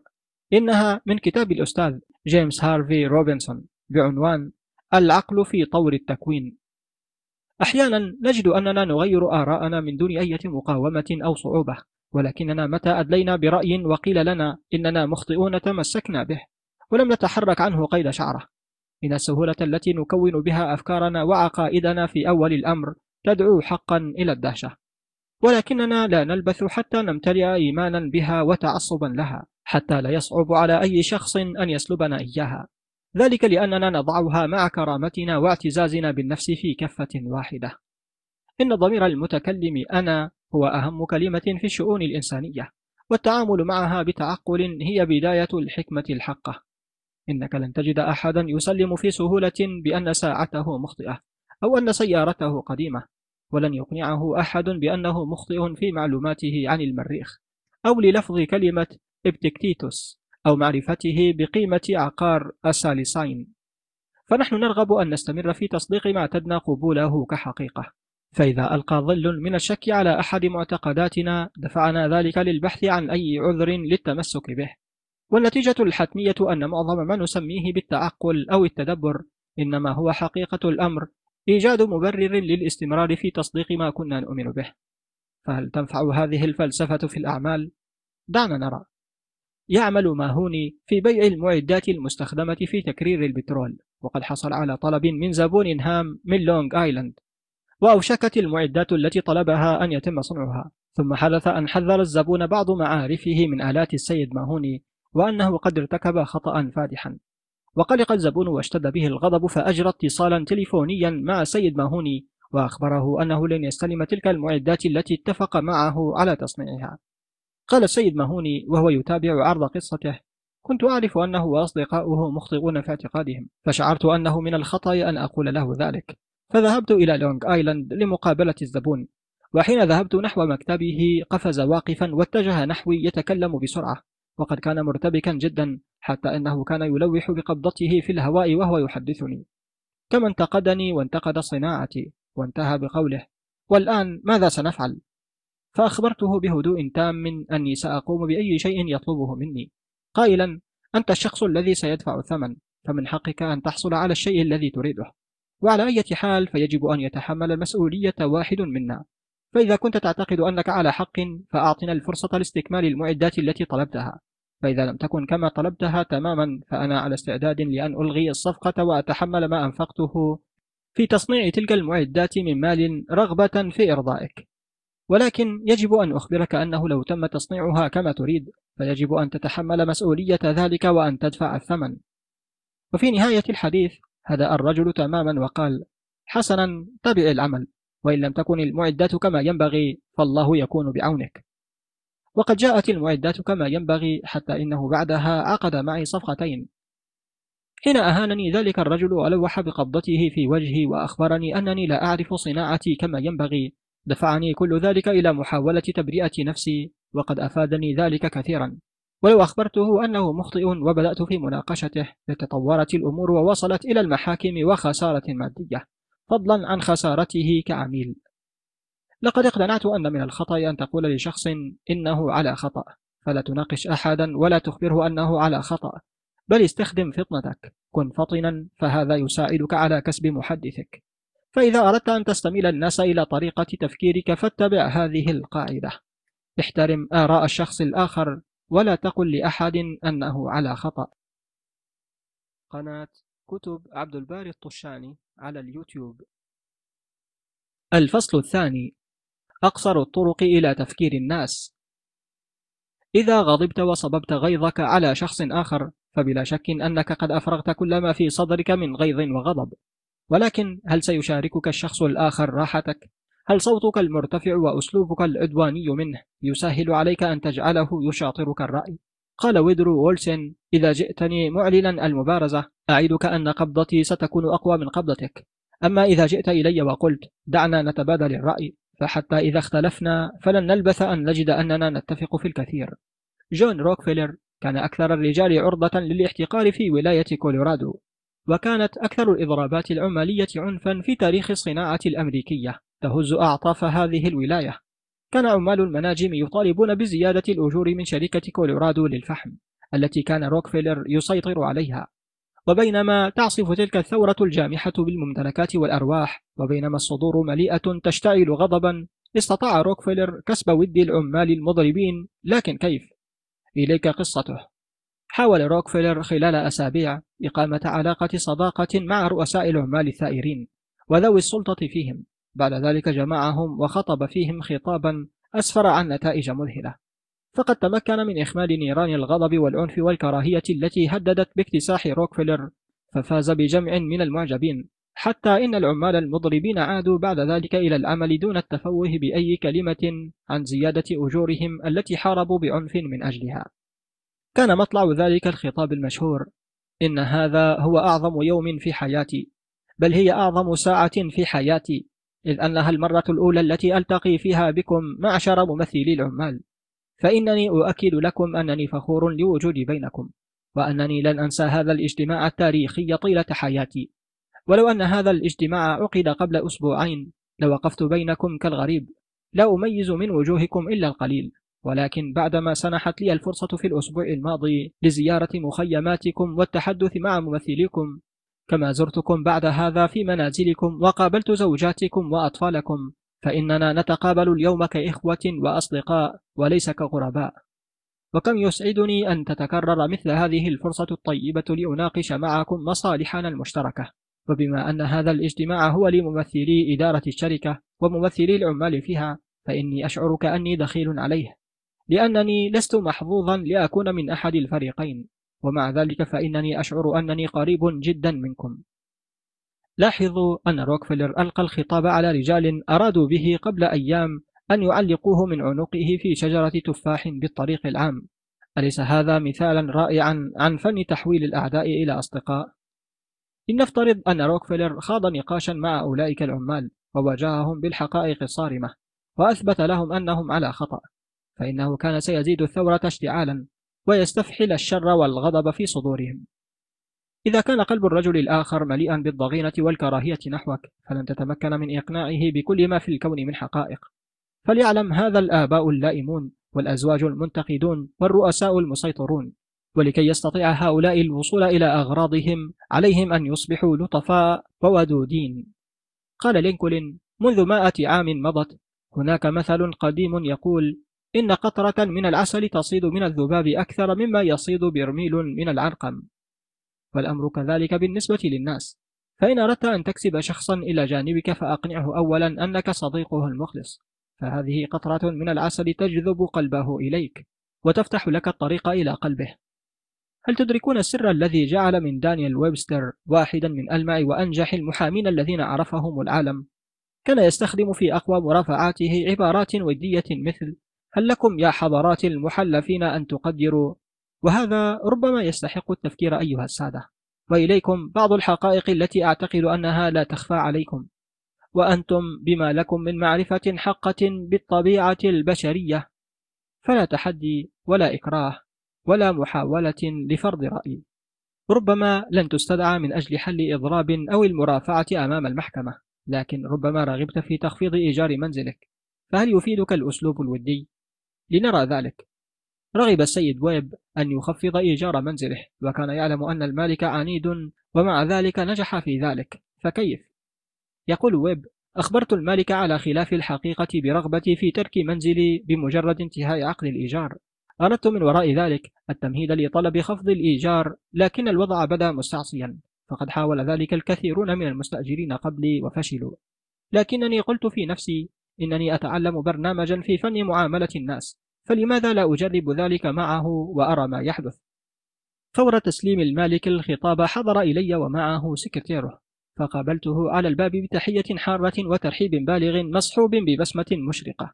ولم أستهل حديثي عن الإيجار المرتفع بل أبديت إعجابي بالمنزل والحق أنني كنت مسرفا في ثنائي صادقا في امتداحي ثم أظهرت له إعجابي بطريقته في إدارة أملاكه.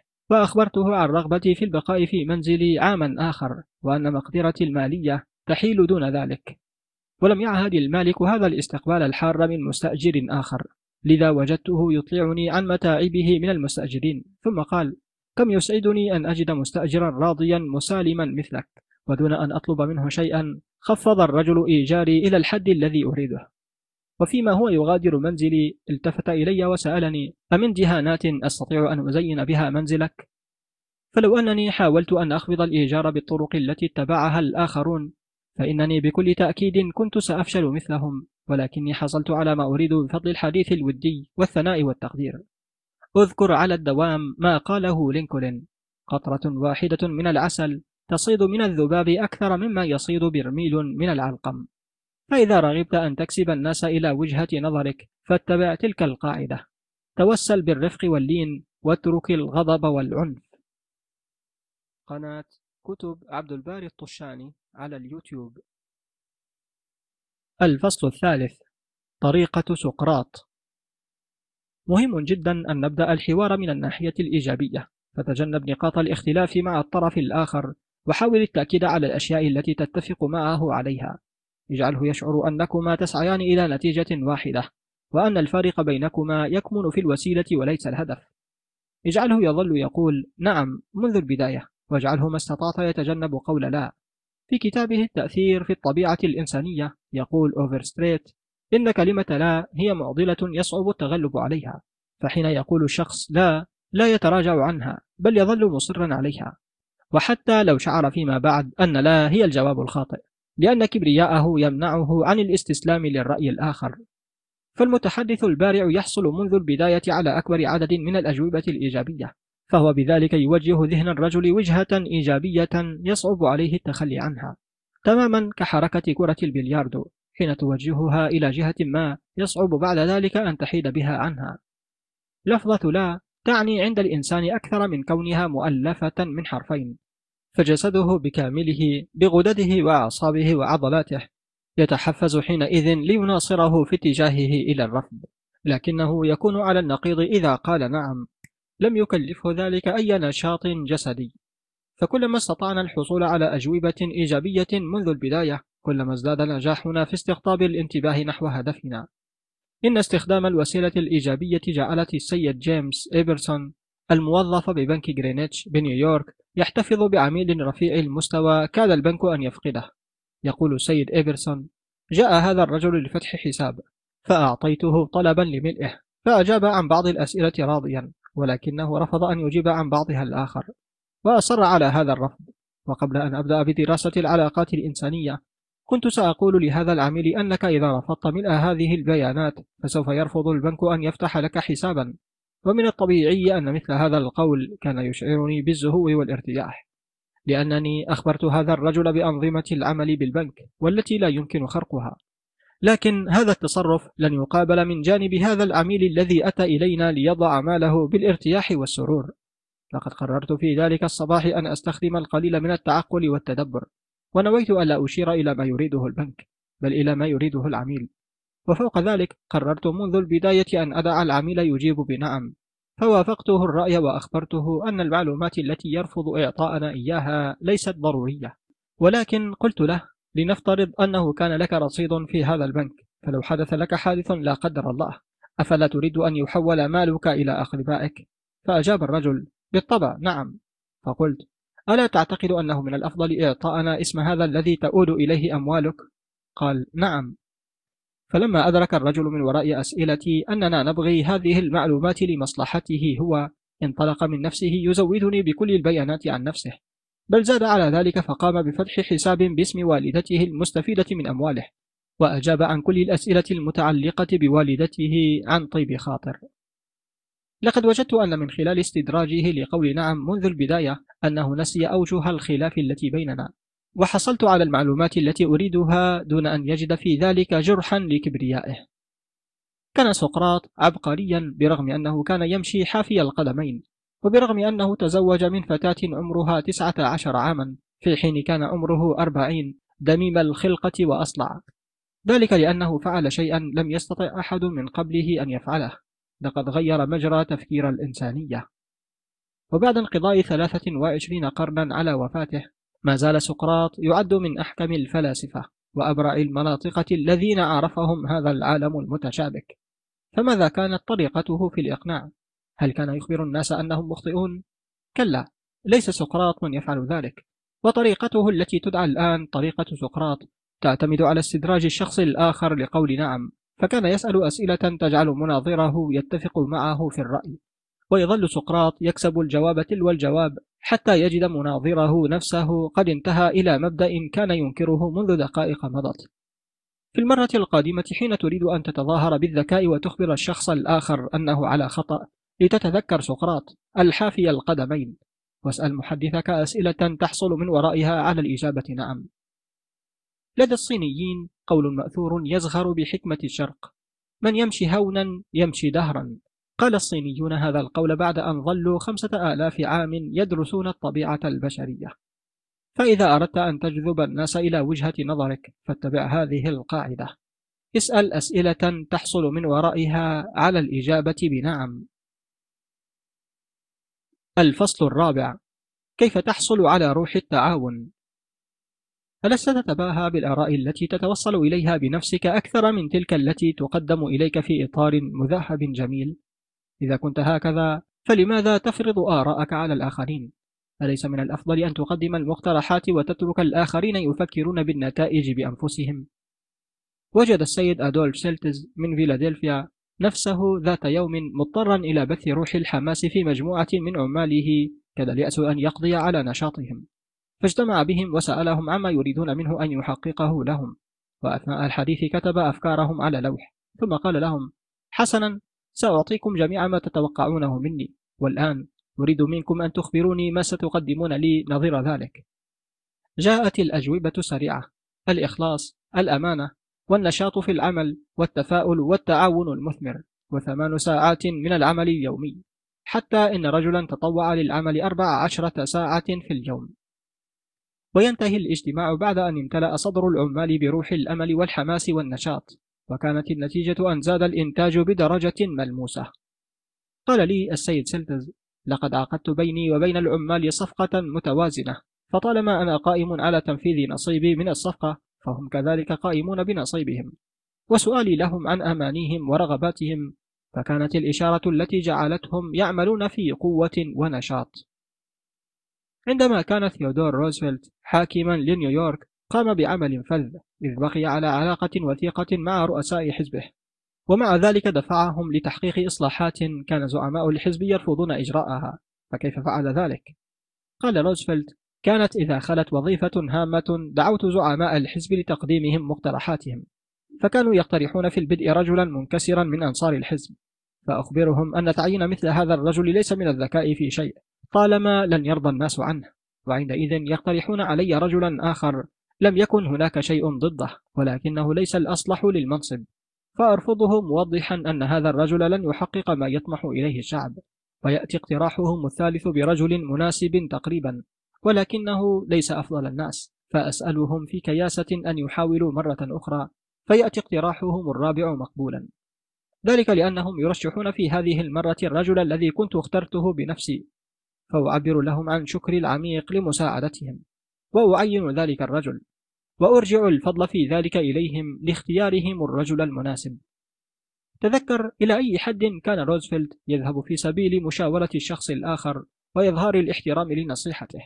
وحين يشغل المنصب بالشخص المختار كان يشعر رؤساءه بأنهم أصحاب الفضل في هذا الاختيار وأن الفكرة هي فكرتهم.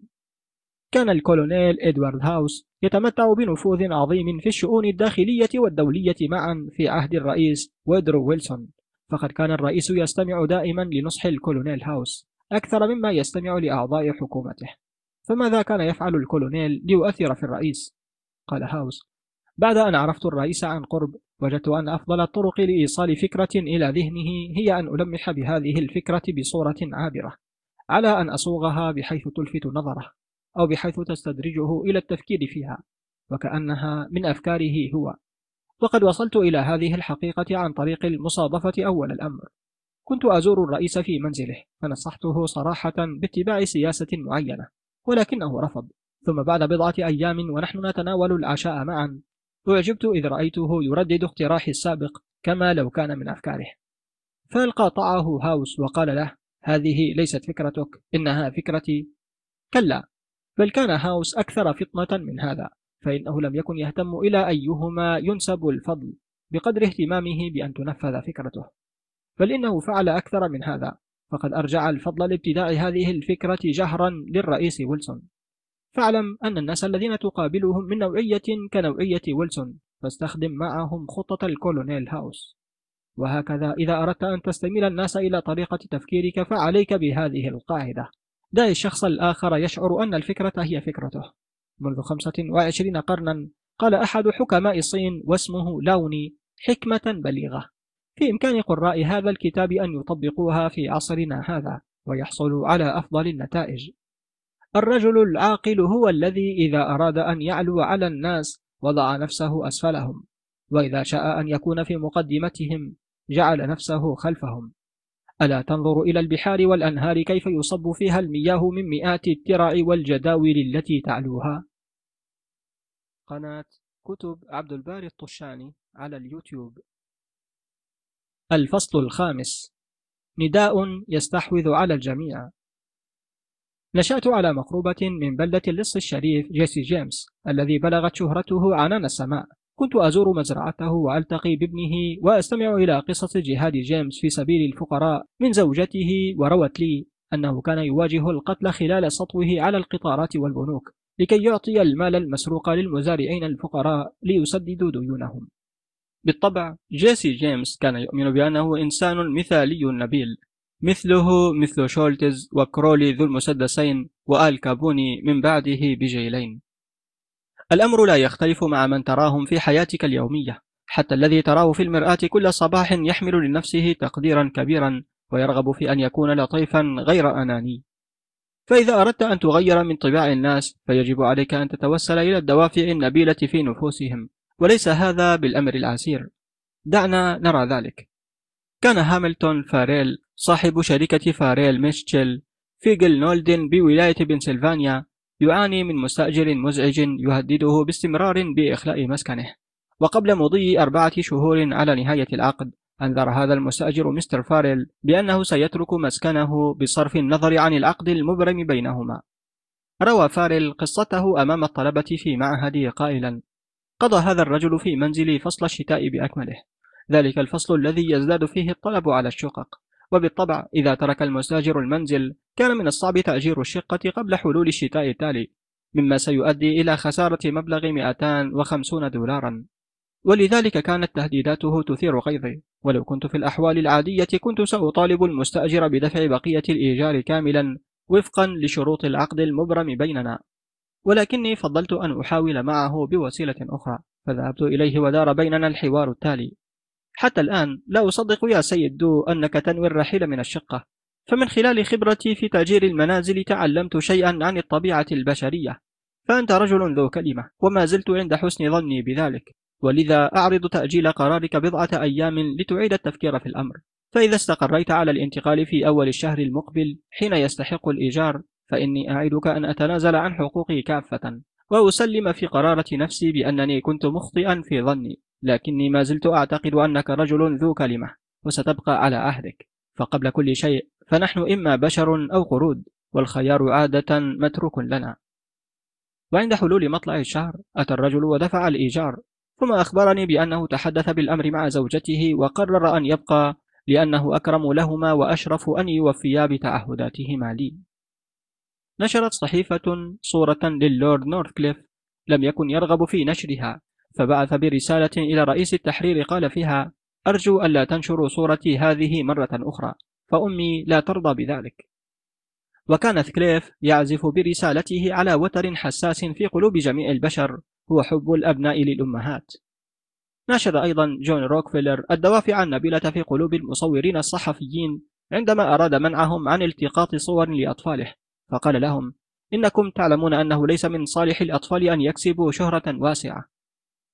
عندما بدأ سيروس كيرتس الصحفي الذي نشأ فقيرا وانتهى به الحال إلى مالك صحيفتي ساتردي إيفنينج بوست وليديز هوم جورنال حين بدأ عمله لم يكن يستطيع استقطاب كتاب الدرجة الأولى كي يكتبوا له فنشد الدوافع النبيلة لديهم. فمثلا أقنع لويزا ماي آلكوت وهي في قمة شهرتها بأن تكتب له حين تبرع بمائة دولار للجمعية الخيرية التي كانت تشرف عليها. لعل متشككا يقول قد يجدي هذا مع روائية عاطفية مثل لويزا أو روكفيلر ونورث كليف. لكنني أود أن أراه يفيد مع أولئك الرجال ذوي القلوب الغليظة الذين أحصل منهم على الأجور كل شهر.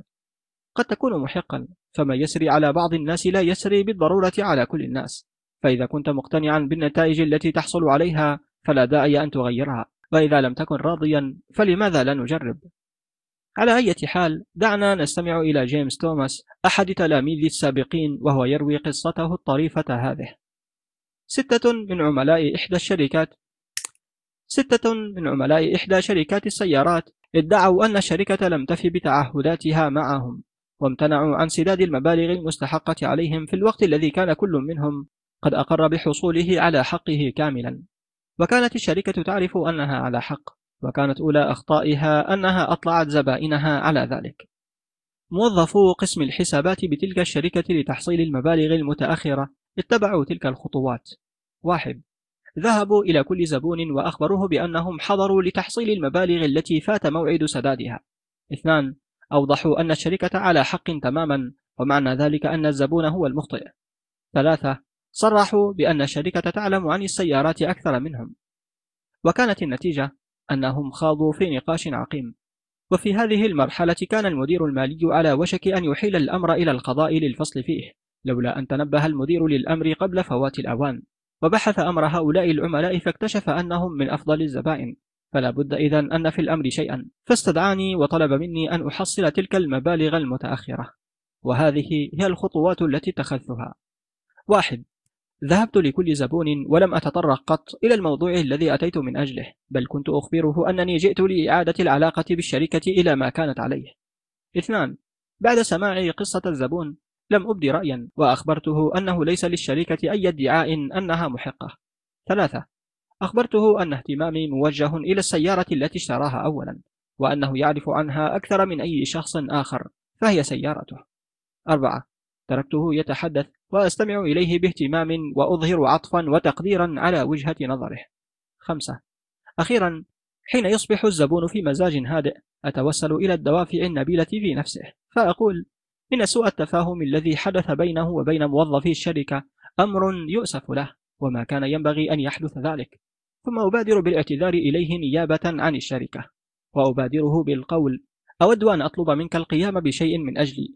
ها هي فاتورتك. سأتركها لك تفعل فيها ما شئت كأنك رئيس الشركة وسأرضى بما تتوصل إليه أيا كان. وهكذا سدد الزبائن الستة حسابهم إلا واحد رفض أن يدفع سنتا لكن الخمسة الآخرين دفعوا كافة المبالغ المتأخرة. ولم يكد يمضي عامان حتى كنا نسلمهم سيارات جديدة. والخلاصة من هذه القصة هي أن الناس شرفاء ويرغبون بالقيام بتعهداتهم. وقليل منهم يخرج عن هذه القاعدة. وأعتقد أن الشخص الذي يميل إلى الخداع إذا أنت عاملته على اعتبار أنه منصف مخلص سيتصرف بحسن نية. وهكذا إذا أردت أن تستميل الناس إلى طريقة تفكيرك فمن الأفضل أن تتبع هذه القاعدة. توسل إلى الدوافع النبيلة. قناة كتب عبد الباري الطشاني على اليوتيوب. الباب الثالث. طرق تمتلك بها زمام الناس. الفصل الأول كيف تنتقد وتسلم من الكراهية؟ أثناء جولة تشارلز شواب بأحد مصانع الصلب شاهد بعض مستخدميه يدخنون وفوق رؤوسهم مباشرة علقت لافتة تقول ممنوع التدخين. فهل لفت انتباههم وقال ألا تعرفون القراءة؟ كلا ليس شواب من يفعل ذلك بل سار نحوهم وأعطى كل منهم سيجارا قائلا سأقدر لكم صنيعكم لو دخنتم هذا السيجار في الخارج عندئذ أدركوا مغزى كلامه وقدروا له حسن معاملته لأنه لم يعنفهم فهل يمكنك تجنب حب رجل كهذا؟ جون واناميكر اتبع الطريقة ذاتها فقد اعتاد يوميا التجول في متجره الضخم في فيلادلفيا وفي إحدى المرات لفت انتباهه زبون ينتظر صابرا دون أن يعيره أحد الباعة اهتماما فأين كان الباعة؟ كانوا يتشققون الأحاديث والقفشات المضحكة. لم ينطق وأنا ميكر ببنت شفة لكنه تسلل في هدوء إلى ما وراء الحاجز ولبى طلب الزبون بنفسه ثم سلم المشتريات لأحد الباعة ليلفها وانصرف.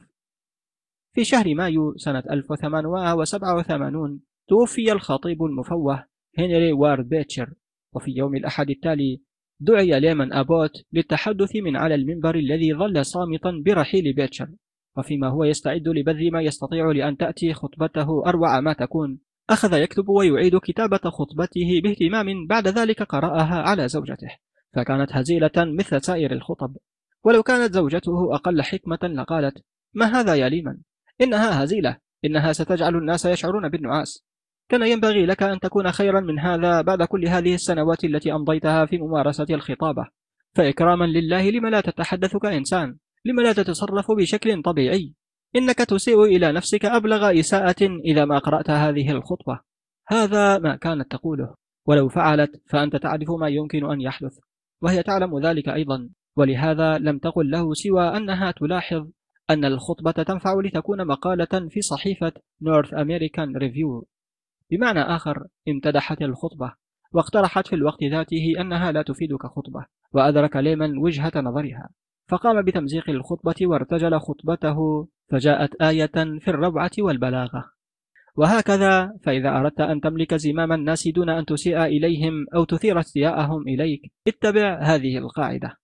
إلفت النظر إلى الأخطاء بشكل غير مباشر.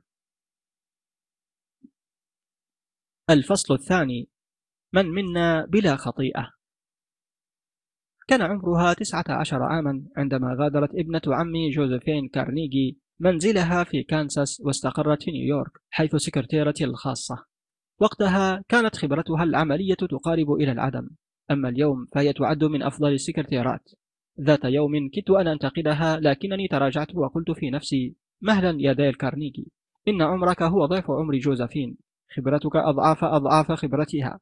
فكيف تتوقع منها أن تكون لديها وجهة نظرك وحكمتك ومقدرتك التي ربما تكون عادية؟ تمهل لحظة يا ديل ماذا كنت تعمل وأنت في مثل سنها؟ تذكرت ما فعلت من أخطاء فادحة وبعد تفكير عميق وحيادي توصلت إلى أن جوزيفين أفضل مني حين كنت في التاسعة عشرة ولم يكن هذا للأسف من قبيل المجاملة. ومن هذا المنطق كنت كلما أردت لفت انتباه جوزيفين إلى خطأ ما أقول لقد ارتكبت يا جوزيفين خطأ لكن الله يعلم أنه ليس أسوأ من الخطأ الذي كنت أرتكبه حين كنت في مثل عمرك. إنني أشعر بالحزن للقيام بأشياء سخيفة حمقاء حتى أنني فقدت الرغبة في انتقادك أنت أو سواك. ولكن ألا ترين أنه من الحكمة لو فعلت كذا وكذا؟ من السهل أن تستمع إلى من ينتقدك ويذكر أخطاءك إذا ما بدأ المنتقد بالاعتراف أنه ليس معصوما من الأخطاء. وقد تعلم الأمير فون بولو هذه الحقيقة في عام 1909 في عهد غليوم المغرور آخر أباطرة ألمانيا. تولى فون بولو رئاسة الحكومة الألمانية وكان يبني جيشا وأسطولا بحريا يكون له ثقله في العالم. في هذه الأثناء كان الإمبراطور ضيفا على إنجلترا وأدلى بتصريحات علنية أدت إلى سلسلة من الأزمات في القارة الأوروبية. كان لها دوي في جميع أنحاء العالم. خاصة أنه أعطى إذنه الإمبراطوري بنشر تلك التصريحات في صحيفة الديلي تيليغراف في هذه التصريحات أعلن أنه الألماني الوحيد الذي يشعر بالود تجاه الإنجليز وأنه يبني أسطولا لمحاربة اليابان وأنه أنقذ إنجلترا من السقوط على أيدي فرنسا وروسيا وأن خطته هي التي مكنت لورد روبرتس من أن يتغلب على البوير في جنوب إفريقيا إلى آخره. لم يكن سبقه أحد من ملوك أوروبا في الإدلاء بمثل هذه التصريحات وقت السلم فاشتعلت الدول الأوروبية غضبا والتهبت إنجلترا وتعجب لذلك الساسة الألمان. ووسط هذه الأجواء الساخنة اقترح على الأمير فون بولو أن يعترف بمسؤوليته عن تلك التصريحات وأنه هو من نصح الملك بذلك. واحتج فون بولو قائلا ولكن يا مولاي لن يصدق أحد في ألمانيا أو إنجلترا أنني يمكنني أن أوعز لجلالتك بقول مثل هذه الأشياء. أحس فون بولو بأنه ارتكب خطأ فادحا عندما تعجل في الرد على الإمبراطور الذي ثار قائلا. أتعتبرني إذا حمارا يرتكب أخطاء لا يمكن لك أن ترتكبها؟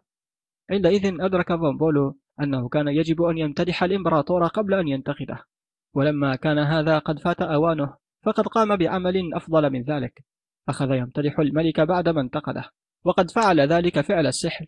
أجاب بإجلال وتوقير لا أقصد ذلك أبدا. فجلالتكم تفوقني في نواح كثيرة. ليس فقط من الناحية العسكرية والبحرية بل في العلوم الطبيعية. فقد استمعت إليك بإعجاب حين شرحت جهاز الضغط الجوي البارومتر والتلغراف اللاسلكي وأشعة رونجن. فأنا للأسف أجهل كل ذلك. فليس لدي أدنى فكرة عن الكيمياء أو الطبيعة. بل أنا عاجز عن تفسير أبسط الظواهر الطبيعية.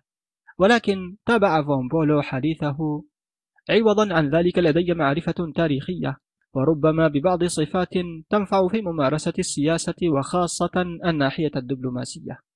عندئذ أشرق وجه الإمبراطور من جديد فقد امتدحه فون بولو بل إنه رفع من قدره وكان هو متواضعا. وهكذا كان في وسع القيصر أن يعفو عن أي شخص مقابل ذلك. فقال في حماس ألم أقل لك دائما أننا نكمل بعضنا؟ يجب أن نقف دائما جنبا إلى جنب وسنقف. ثم صافح يد فون بولو لا مرة واحدة بل عدة مرات وظل متقد الحماس طوال يومه حتى إنه رفع قبضته مهددا. إذا قال لي أحد أي شيء ضد الأمير فون بولو سوف أسحق أنفه. فإذا كانت بضعة عبارات من التواضع وامتداح شخص الآخر يمكن أن تغير الإمبراطور المهان إلى صديق حميم. فتخيل ما يمكن أن يفعل التواضع والمديح لنا في علاقاتنا اليومية. وهكذا لكي تغير الناس دون أن تسيء إليهم أو تستثير عنادهم إليك اتبع هذه القاعدة. تحدث عن أخطائك أولا قبل أن تنتقد الشخص الآخر. قناة كتب عبد الباري الطشاني على اليوتيوب. الفصل الثالث ما من أحد يجب أن يتلقى الأوامر. خلال عشاء مع الآنسة آيدا تاريل رائدة المترجمين الأمريكيين كنت قد انتظرته طويلا أخبرتها أنني أؤلف كتاب كيف تكسب الأصدقاء.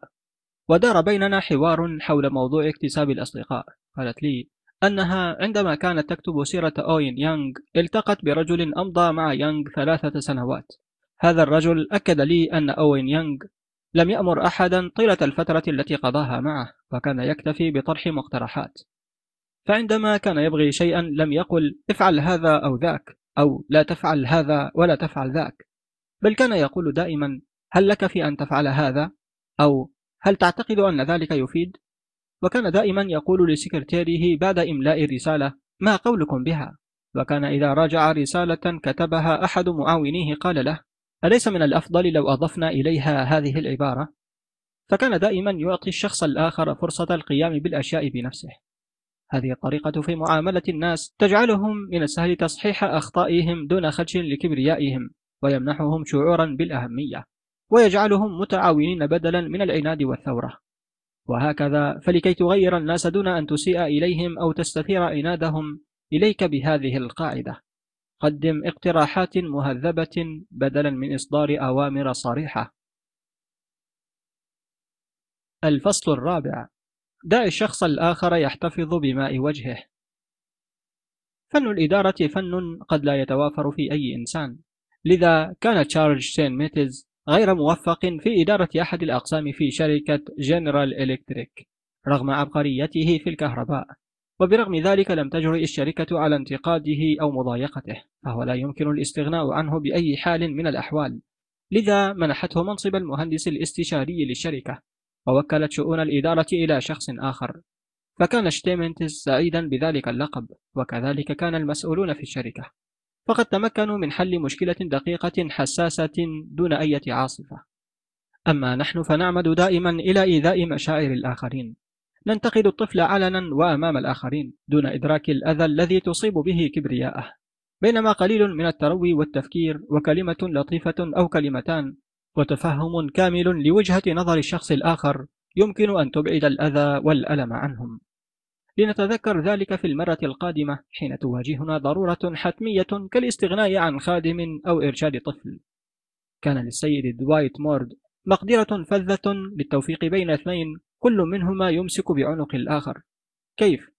كان يبدأ بنقل المتخاصمين إلى منطقة الاتفاق ويبحث عن الشيء الذي تتفق عليه وجهتا نظريهما فيؤكدها ويزيدها وضوحا وجلاء.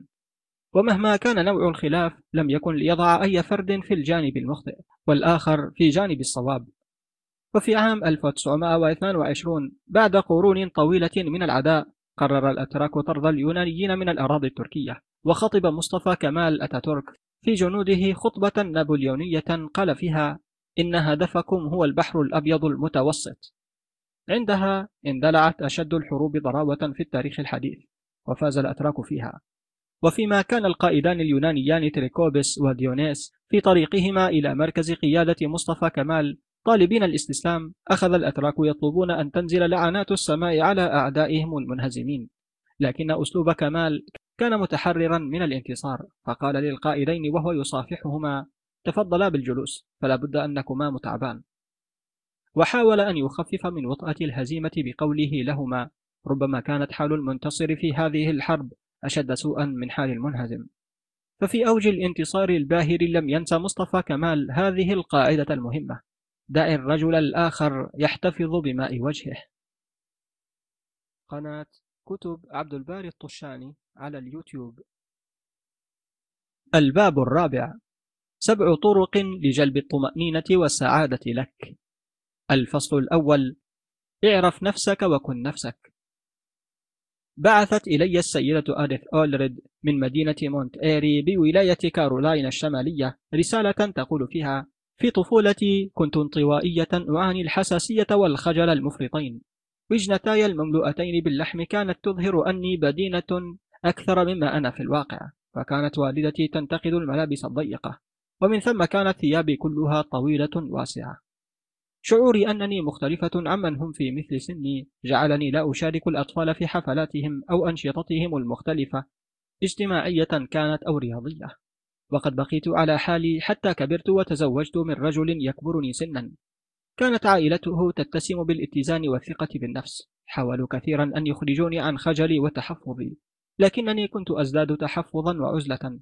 وبمرور الأيام صرت أكثر عصبية سريعة التأثير. يكفي صوت جرس الباب لأن يملأ قلبي رعبا. وكنت أبذل قصارى جهدي لكي أبدو مرحة مبتهجة حين أكون مع زوجي في مجتمع عام حتى لا يكتشف فشلي. وكان شعوري بأنني أتظاهر بالسعادة يزيد في تعاستي وشقائي ولم أعد أرى في حياتي خيرا حتى أنني فكرت في الانتحار. لكنني سمعت ملاحظة صدفة غيرت مجرى حياتي كلها.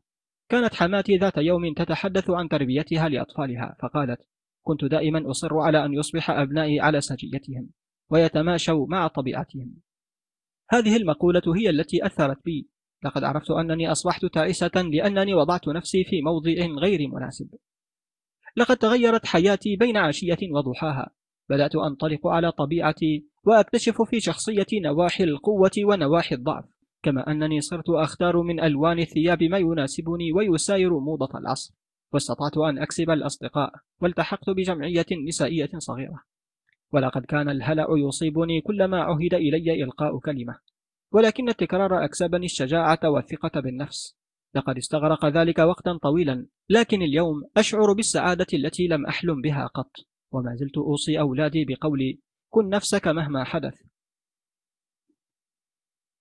الدكتور جيمس جوردون جالكي قال إن مشكلة الرغبة في الانطلاق على السجية قديمة قدم التاريخ وإلى القدرة على تنفيذ ذلك أو عدم القدرة يرجع إليها الإصابة بمعظم الأمراض العصبية والنفسية والعقلية.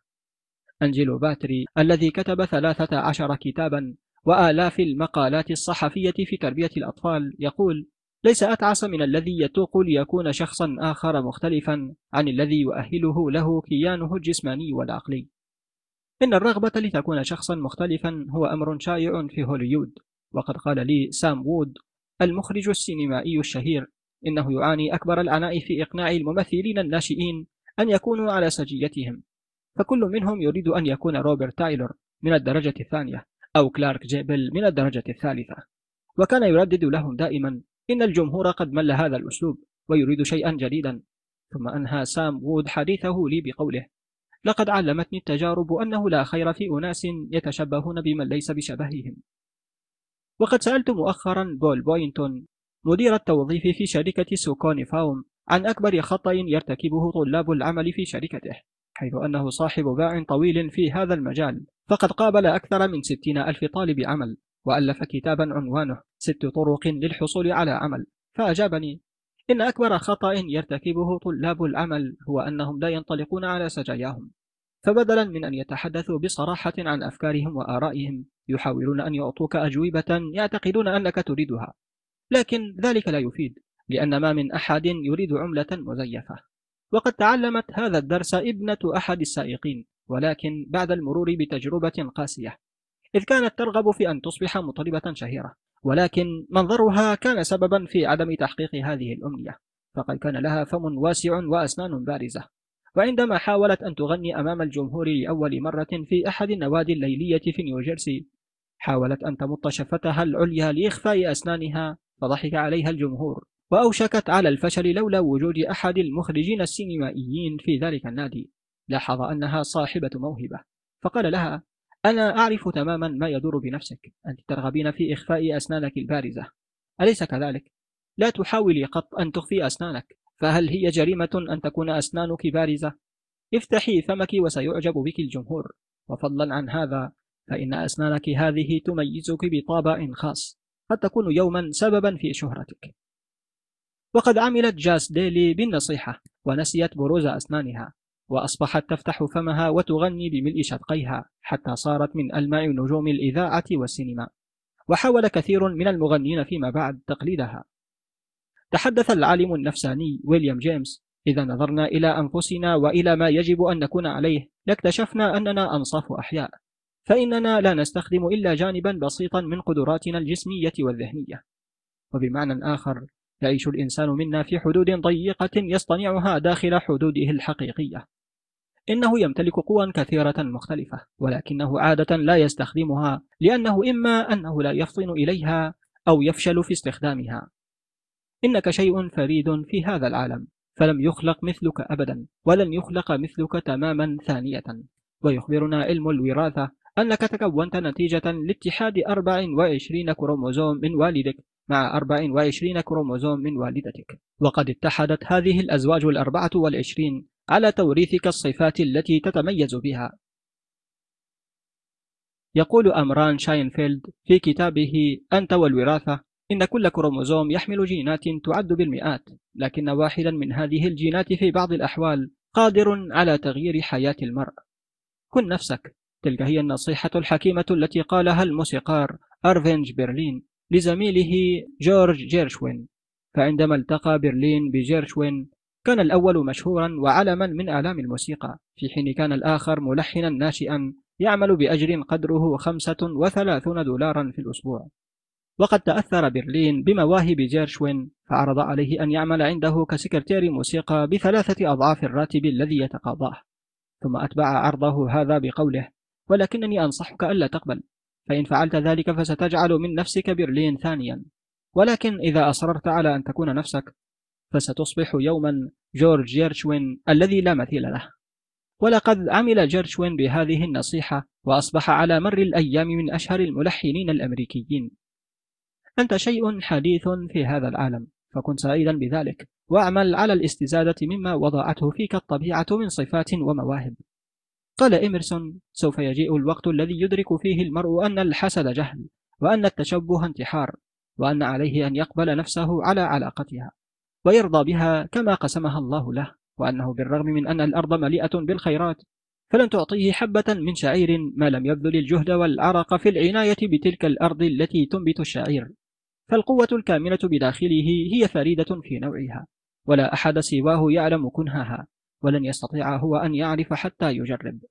وهكذا من أجل تنمية أسلوب ذهني يعود علينا بالطمأنينة ويحررنا من القلق. إليك بهذه القاعدة. اعرف نفسك وكن نفسك ولا تحاول التشبه بغيرك. الفصل الثاني. أتبيع ما تملك في مقابل بليون دولار؟ علاقتي بهارو الأبوت لعدة سنوات مضت. فقد كان مديرا لبرامج محاضراتي زمنا طويلا. التقيت به ذات يوم في مدينة كانساس واستقليت معه سيارته. وخلال الطريق إلى مزرعتي في بلدة بيلتون سألته كيف يتجنب القلق فحكى لي قصة مثيرة لن أنساها أبدا. قال لي في أحد أيام الربيع من عام 1934 شاهدت منظرا قضى على كل القلق الذي كنت أعانيه في ذلك الوقت. لم يستغرق ذلك أكثر من عشر ثوان. ولكنني تعلمت خلالها فن الحياة أكثر مما تعلمت في عشرة أعوام. فمنذ عامين كنت مثقلا بالديون بعد أن خسر محل البقالة الذي كنت أمتلكه في مدينة وب وبعد أن فقدت فيه جميع مدخراتي وظللت أكثر من سبعة أعوام أسدد ديوني. قبل أسبوع من إغلاق المحل كنت أسير متجها إلى أحد البنوك لأقترض شيئا من المال يساعدني على الانتقال إلى مدينة كانساس للبحث عن عمل. كنت أسير شارد العقل مملوءا باليأس فاقدا للشجاعة والثقة في النفس. وفجأة رأيت رجلا مبدور الساقين يريد أن يعبر الطريق. كان يجلس على عارضة خشبية مزودة بعجلات صغيرة ويزحف في الشارع بمساعدة قطع من الخشب يمسكها بيديه. التقيت به بعدما عبر الشارع وبدأ يرفع نفسه ليصل إلى الرصيف. وفيما هو يفعل ذلك التقت عيناه بعيني فابتسم لي ابتسامة عريضة مشرقة قائلا عمت صباحا يا سيدي إنه يوم جميل أليس كذلك؟ وفيما أنا واقف أنظر إليه علمت كم أنا واسع الثراء فإن لي ساقين وأستطيع السير بهما وشعرت بالخجل من نفسي وحدثت نفسي قائلا إذا كان هذا الرجل سعيدا مرحا واثقا من نفسه بالرغم من فقده لساقيه فأولى بي أن أكون كذلك فلي ساقان وكنت أنوي أن أقترض من البنك مائة دولار لكني الآن جاءتني الشجاعة فاقترضت مائتين وحصلت على العمل. والآن ألصقت هذه الكلمات على المرآة حيث يمكنني أن أطالعها كل صباح. شعرت بالقلق لأن لا حذاء لدي حتى التقيت في الشارع برجل لا ساقين لديه. إيدي ريكنيكر ما هو الدرس الذي تعلمه من خلال بقائه هو ورفاقه واحدا وعشرين عاما في قارب مطاطي تائهين في المحيط الهادئ على غير هدى. فقال ما هو الدرس الذي تعلمه من خلال بقائه هو ورفاقه واحدا وعشرين يوما في قارب مطاطي تائهين في المحيط الهادئ على غير هدى؟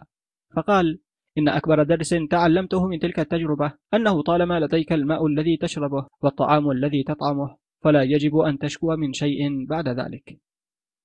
نشرت مجلة تايمز مقالا مؤثرا عن جندي أصيب بشظية في حنجرته في معركة جوادالكانال وبينما الجندي راقد على فراشه في المستشفى كتب لطبيبه يسأله هل سأعيش؟ فأجابه الطبيب نعم فعاد ليسأله وهل سأتكلم؟ فأجابه الطبيب ثانية نعم وهنا قال يا لني من أحمق فلماذا أقلق إذا؟ لما لا تتوقف الآن وتسأل نفسك لماذا أنا قلق؟ فربما تكتشف أن ما يثير قلقك أتفه بكثير مما حدث لهذا الجندي. إن تسعين بالمائة من أمور حياتنا يسير في طريقه الصحيح وعشرة في المائة فقط يخرج عن هذا الطريق.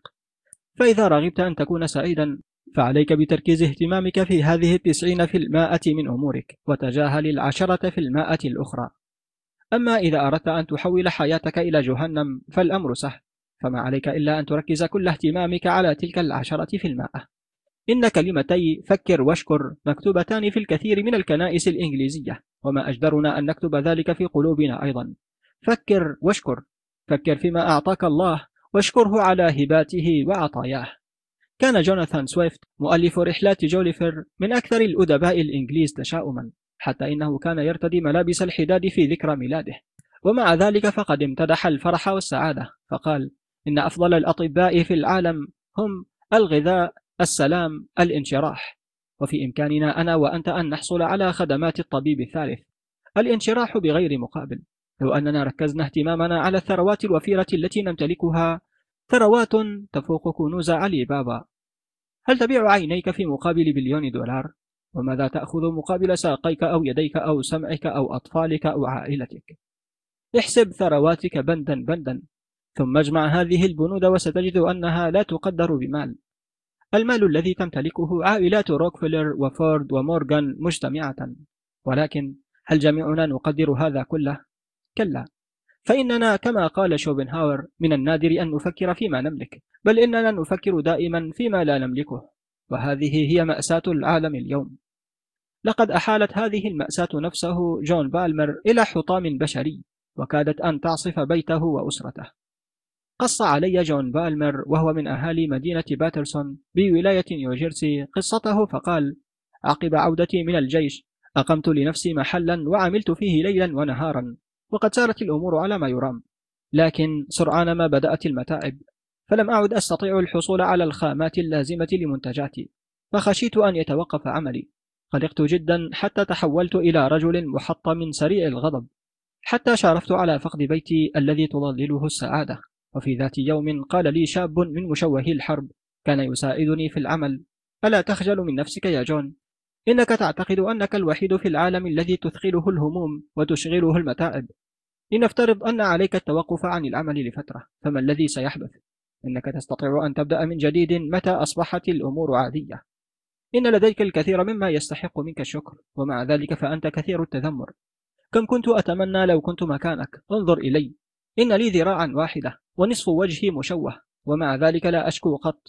فإن لم تتوقف عن التذمر والشكوى فلن تفقد عملك فقط. بل ستفقد صحتك وأسرتك وأصدقائك أيضا. منذ تلك اللحظة صممت على أن أكف عن قلقي وأعود إلى سابق عهدي وقد فعلت. يجب أن نخجل من أنفسنا طيلة الأيام والسنوات نعيش في جنة من الجمال. ولكننا لم نستطع أن نرى ولا نقدر ولا نشكر. فإذا أردت أن تهزم القلق وتبدأ الحياة إليك بهذه القاعدة. احصي نعم الله عليك بدلا من أن تحصي متاعبك. الفصل الثالث. بقدر أهميتك يكون النقد الموجه إليك. في عام 1929 حدثت ظاهرة أثارت موجة استغراب عنيفة في دوائر التعليم في طول البلاد وعرضها وقد قدم رجال التعليم من جميع أنحاء أمريكا ليشاهدوا هذه الظاهرة. في عام 1929 كان هناك رجل يدعى روبرت هيتشنز يشق طريقه إلى مدينة بيل بعرق جبينه. عمل خادما في مطعم وعمل أيضا حطابا ولم تمر ثمانية أعوام على وصوله إلى المدينة حتى انتخب رئيسا لإحدى الجامعات الكبرى في أمريكا وهي جامعة شيكاغو وهو لم يزل في الثلاثين من عمره. قوبل الأمر بصدمة عنيفة واستنكار من رجال التعليم وتصاعدت موجة من الانتقادات حول هذا الفتى كالسيل الجارف. وصفوه بأنه صغير جدا قليل الخبرة والتجربة كما اتهموه بأنه سطحي الآراء التعليمية. حتى إن الصحف شاركت في الهجوم عليه. وفي يوم الاحتفال بتعيينه رئيسا للجامعة قال صديق لوالده لقد صدمت هذا الصباح حين قرأت النقد الموجه لولدك في الصحف فأجاب الأب نعم إنه نقد لاذع لكن تذكر أنه بقدر قيمتك يكون النقد الموجه إليك. فاعلم إذا حين يوجه إليك النقد أو الضرب أن ذلك اعتراف بقيمتك وأهميتك وأن فيه اعترافا بأنك قمت بشيء فذ لفت الأنظار إليك. إن الكثيرين من الناس يحصلون على الشعور بالاقتناع حين يسجبون من هم أفضل منهم أو أكثر نجاحا منهم.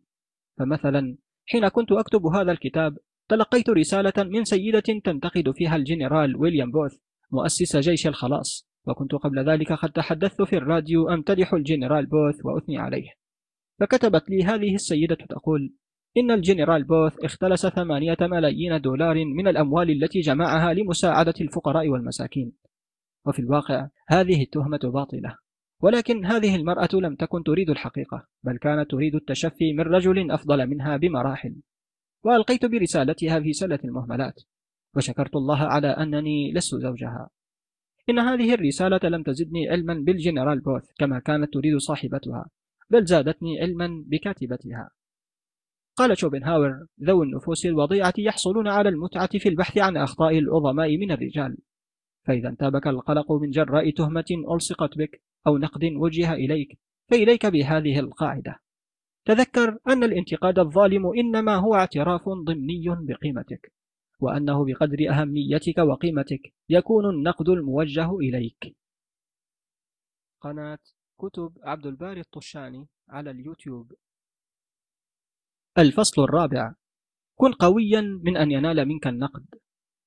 أخبرني ذات يوم الميجور جنرال سميدلي بوتلر الملقب بشيطان الجحيم وهو من ألمع القواد في تاريخ البحرية الأمريكية بأنه في شبابه كان يتوق للشهرة والسلطة والشخصية القوية ولهذا كان يضيق صدره لأقل نقد موجه إليه ويثور لأتفه الأسباب غير أن الأعوام الثلاثين التي أمضاها في البحرية غيرت طباعه وجعلته أقوى من أن ينال منه النقد. قال لي كنت عرضة للانتقاد والإهانة ورميت كالكلب المسعور وكثعلب مراوغ وطالما شتمني خبراء في فن الشتم فهل أثر بي ذلك؟ كلا فعندما أسمع إهانة فلا أتلفت لأرى من ينطق بها فإذا كان بوتلر لا يهتم بالنقد فإنه على نقيض الكثيرين من الذين يأخذون النقد مأخذ الجد فيصيبهم من فعل ذلك الهم والكدر أذكر مرة منذ سنوات حين حضر مراسل جريدة نيويورك سن إحدى المحاضرات في معهدي وإذا به في اليوم التالي يهاجمني على صفحات جريدته وينتقد طريقتي في أسلوب التدريس. فهل تملك الغيظ مني؟ نعم. اعتبرت ذلك إهانة شخصية. فاتصلت بجيل هوجز رئيس تحرير الجريدة تليفونيا وطلبت منه نشر مقالة تذكر الحقائق بدلا من أن يملأه بالسخرية والهزء برغم أنني كنت معتزما أن يكون العقاب على قدر الجرم لا أكثر. إلا أنني أشعر بالخجل على ما فعلت. فأنا أدرك الآن أن نصف الذين اشتروا الجريدة لم يروا المقالة ونصف من قرأها اعتبرها مزاحا. ومن تمعن فيها نسي كل شيء عنها بعد أسابيع قليلة. علمت الآن أن الناس لا تفكر بك أو بي أو يهتمون بما يقال عنا. فهم مشغولون بالتفكير في أنفسهم منذ استيقاظهم في الصباح حتى نومهم في المساء. وأن صداعا خفيفا يصيبهم لهو كاف بأن يشغلهم عن خبر موتي أو موتك. وحتى لو أصابنا من الناس كذب وافتراء وطعنات في ظهورنا علانية أو في الخفاء فلا يجب أن نحزن لذلك. ولنتذكر بدلا من ذلك ما حدث للسيد المسيح عيسى عليه السلام. لقد خانه واحد من حواريه الاثني عشر المقربين لقاء رشوة بسيطة وتركه آخر حين أحاطت به الأخطار وأقسم ثالث بأنه لا يعرف المسيح. نعم أنا أتوقع نحن خيرا مما نال السيد المسيح. لقد اكتشفت منذ سنوات أنني رغم عدم قدرتي على إسكات ألسنة الناس على انتقادي ظلما وعدوانا إلا أنه باستطاعتي أن أفعل ما هو خير من هذا أن أتجاهل نقد الناس ولومهم. أن أتجاهل نقد الناس ولومهم. ولنكن واضحين حيال ذلك فأنا لا أطلب منك أن تتجاهل النقد تماما وإنما أقصد تجاهل النقد الظالم المغرض. سألت مرة ألبانور روزفلت كيف تواجه النقد والله يعلم كم قاست منه وربما لديها من الأعداء أكثر من أي امرأة عاشت في البيت الأبيض فأجابتني بأنها حين كانت شابة كانت على قدر كبير من الحياء والخوف مما يقوله عنها الناس وكانت تخشى الانتقاد حتى إنها قالت ذات مرة لعمتها شقيقة ثيودور روزفلت أريد أن أعمل كذا وكذا لكنني أحجم عن ذلك خشية النقد فماذا تنصحيني؟ ورمتها عمتها بنظرة فاحصة قائلة لا تهتمي بما يقوله الناس عنك طالما أنك تدركين تماما أنك على حق. وقد عملت Mrs روزفلت بهذه النصيحة فكانت لها سندا قويا في حياتها المستقبلية. عندما كان تشارلز شواب يخاطب طلبة جامعة برنستون صرح لهم بأن أهم درس تلقاه في حياته كان على يد رجل ألماني عجوز كان يعمل في مصانعه. هذا الرجل الألماني العجوز اشتبك مع مجموعة من عمال المصنع في نقاش حاد حول الحرب. انتهت بإلقائه في النهر.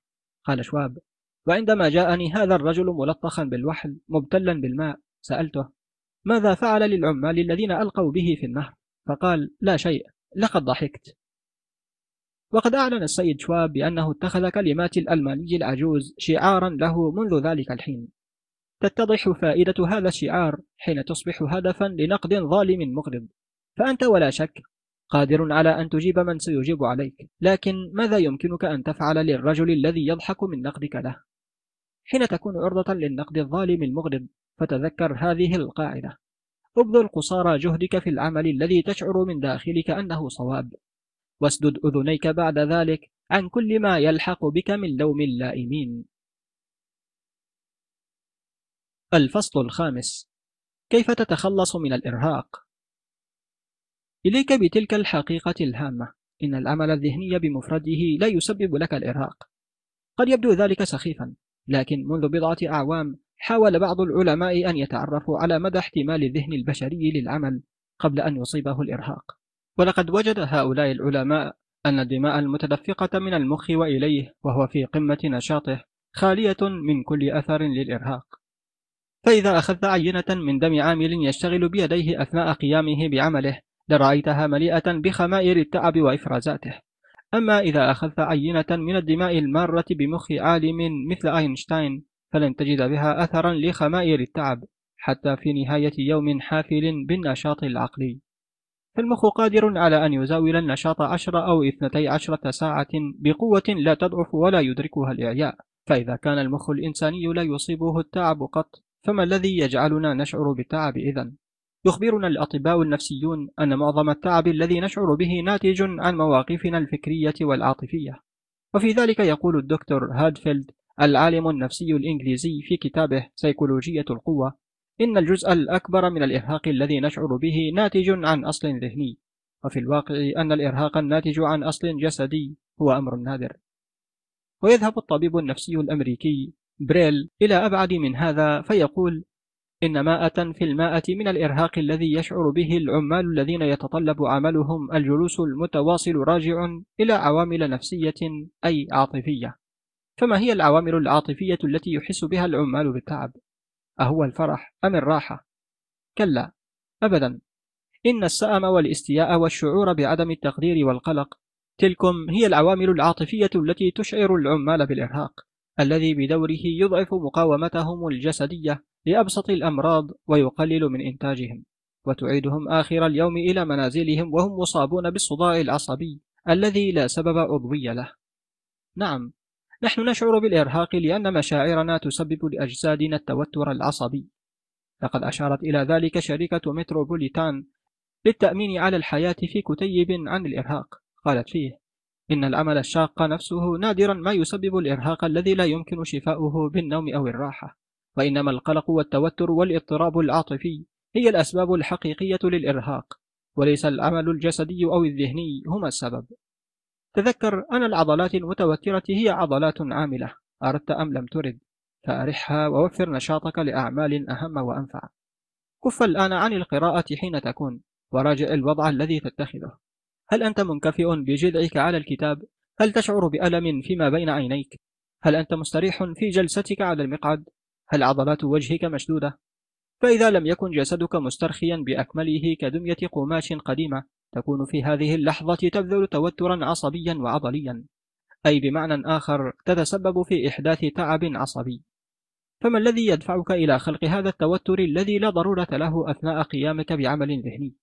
يقول غوسوليني لقد وجدت أن السبب الأساسي في ذلك هو الاعتقاد السائد من أن العمل الشاق يتطلب شعورا بالجهد وإلا فشل العمل وفشل المجهود. ومن ثم فإننا ننحني بجذوعنا أو نشد عضلاتنا أو نرجع بأكتافنا إلى الوراء داعين عضلاتنا لكي تشعرنا بالمجهود الذي نبذله وهو إحساس لا أهمية له مطلقا. إليك حقيقة مذهلة. إن ملايين الناس الذين يبخلون بأموالهم ويحرصون عليها يتجهون إلى فقد حيويتهم دون اكتراث فأيهما أحق بأن نحرص عليه؟ المال أم الصحة؟ فما علاج هذا الإرهاق العصبي؟ الاسترخاء. تعلم أن تسترخي أثناء قيامك بعملك ولا تحسب أن هذا الأمر أمر سهل فقد يحتاج ذلك إلى أن تغير عادات حياتك. يقول ويليام جيمس إنما يشعر به الأمريكيون من توتر وحدة المزاج ناتج عن عادة لا أكثر ولا أقل. فالتوتر عادة والاسترخاء هو عادة والعادات السيئة يمكن القضاء عليها واستبدالها بعادات نافعة. كيف تسترخي؟ هل تبدأ بذهنك أولا أم تبدأ بأعصابك؟ فلا تبدأ بأيهما بل ابدأ بعضلاتك. دعنا نحاول ذلك. لنتخذ عينيك موضوعا للتجربة. اقرأ هذا المقطع بعناية. فإذا وصلت إلى نهايته استند بظهرك إلى ظهر مقعدك وأغمض عينيك وقل لعضلات عينيك في هدوء. استرخي. كفي عن التوتر استرخي وكرر في ذهنك هذه الأوامر لمدة دقيقة واحدة. ألا تلاحظ بعد مرور ثوان قليلة أن عضلات عينيك بدأت في الاسترخاء؟ ها أنت في دقيقة واحدة قد توصلت إلى السر الأعظم في فن الاسترخاء وبإمكانك بعد هذا أن تكرر الأمر نفسه مع عضلات فكيك ووجهك وعنقك وكفيك وجسدك جميعا لكن العضو الأهم هو العين. يقول الدكتور إدمون جاكسون رئيس جامعة شيكاغو إذا استطعت إرخاء عضلات عينيك تستطيع أن تزيل توتر الجسد كله وسبب ذلك يعود إلى كون العينين تستهلك ربع النشاط العصبي الذي يستهلكه الجسد كله. وهذا أيضا هو السبب في أن الكثيرين ممن يتمتعون بنظر جيد يعانون من ألم في أعينهم دون أن يعرفوا أن السبب في ذلك هو توتر عضلاتها. تقول فيكي باوم الروائية الشهيرة إنها حين كانت طفلة قابلت رجلا عجوزا علمها أحد أهم الدروس التي تعلمتها في حياتها. كانت قدمها قد زلت فسقطت على الأرض وجرحت ركبتها وأصيبت في معصمها. فالتقطها الرجل العجوز الذي كان يعمل في شبابه مهرجا في السيرك وهو يقول لها إن السبب في أنك سقطت وجرحت هو أنك لا تعرفين كيف تسترخي. كان يجب أن ترخي عضلات جسمك كارتخاء جورب قديم. تعالي معي لأريك كيف تفعلين ذلك. وأخذ العجوز يعلمها كيف تسقط دون أن يصيبها أذى لو أنها أرخت عضلات جسمها كاسترخاء جورب معلق على حبل. إن في إمكانك أن تسترخي أينما كنت وكل ما عليك هو ألا تبذل جهدا في سبيل هذا الاسترخاء. فالاسترخاء ليس مجهودا يبذل وإنما هو التوقف التام عن كل مجهود. وابدأ الاسترخاء دائما باسترخاء عضلات عينيك ووجهك. وإليك خمسة مقترحات تساعدك على الاسترخاء. واحد. اقرأ أحد أشهر الكتب التي تدور حول هذا الموضوع وهو كتاب الدكتور ديفيد هارولد فينك وعنوانه التخلص من التوتر العصبي. اثنان. استرخي أينما كنت. اترك جسدك يسترخي تماما كما يتراخى الجورب القديم أو قطعة صغيرة تنام في الشمس. ثلاثة. اعمل ما شئت من الوقت على أن تراعي الاسترخاء في جلستك. أربعة. راجع نفسك أربع أو خمس مرات في اليوم قل في نفسك هل أجعل عملي أكثر صعوبة مما هو عليه؟ هل أستخدم في عملي عضلات من جسدي لا علاقة لها بهذا العمل إطلاقا؟ فإن هذا سيساعدك على تكوين عادة الاسترخاء. خمسة اختبر نفسك ثانية في نهاية اليوم وذلك بسؤالها هل أنا متعب؟ فإذا كنت متعبا فليس هذا بسبب المجهود الذي بذلته وإنما بسبب الطريقة التي بذلت بها المجهود.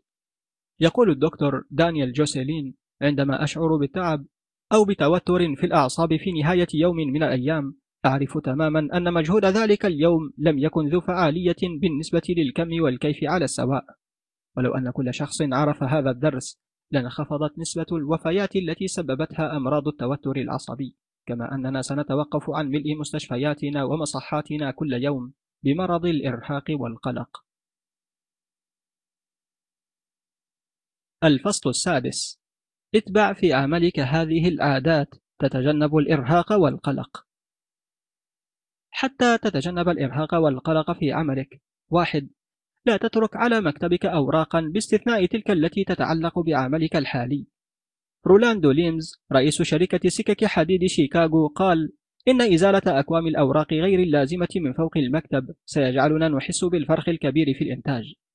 على سقف مكتبة الكونغرس في واشنطن نقشت خمس كلمات للشاعر بوب هي النظام هو قانون السماء الأول. أخبرني صاحب جريدة تصدر في نيو أورليانز أنه عندما رتبت له سكرتيرته المكتب عثر على آلة كاتبة كانت قد فقدت منذ سنين كانت مغمورة بين أكوام الأوراق الموجودة على سطح مكتبه. تكفي نظرة واحدة إلى مكتب تغطيه الرسائل والملفات والتقارير والمذكرات لخلق التوتر والإزعاج والقلق. كما أن تأدية أكثر من عمل في وقت واحد لن يصيبك بالإرهاق والتعب وحسب بل بضغط الدم المرتفع واضطرابات القلب وقرحة المعدة أيضا. اثنان أنجز الأهم فالمهم. قال هنري دوفتري مؤسس شركة خدمات المدن شيئان لا يشتريان بالمال القدرة على التفكير والقدرة على القيام بالأشياء بحسب ترتيبها في الأهمية.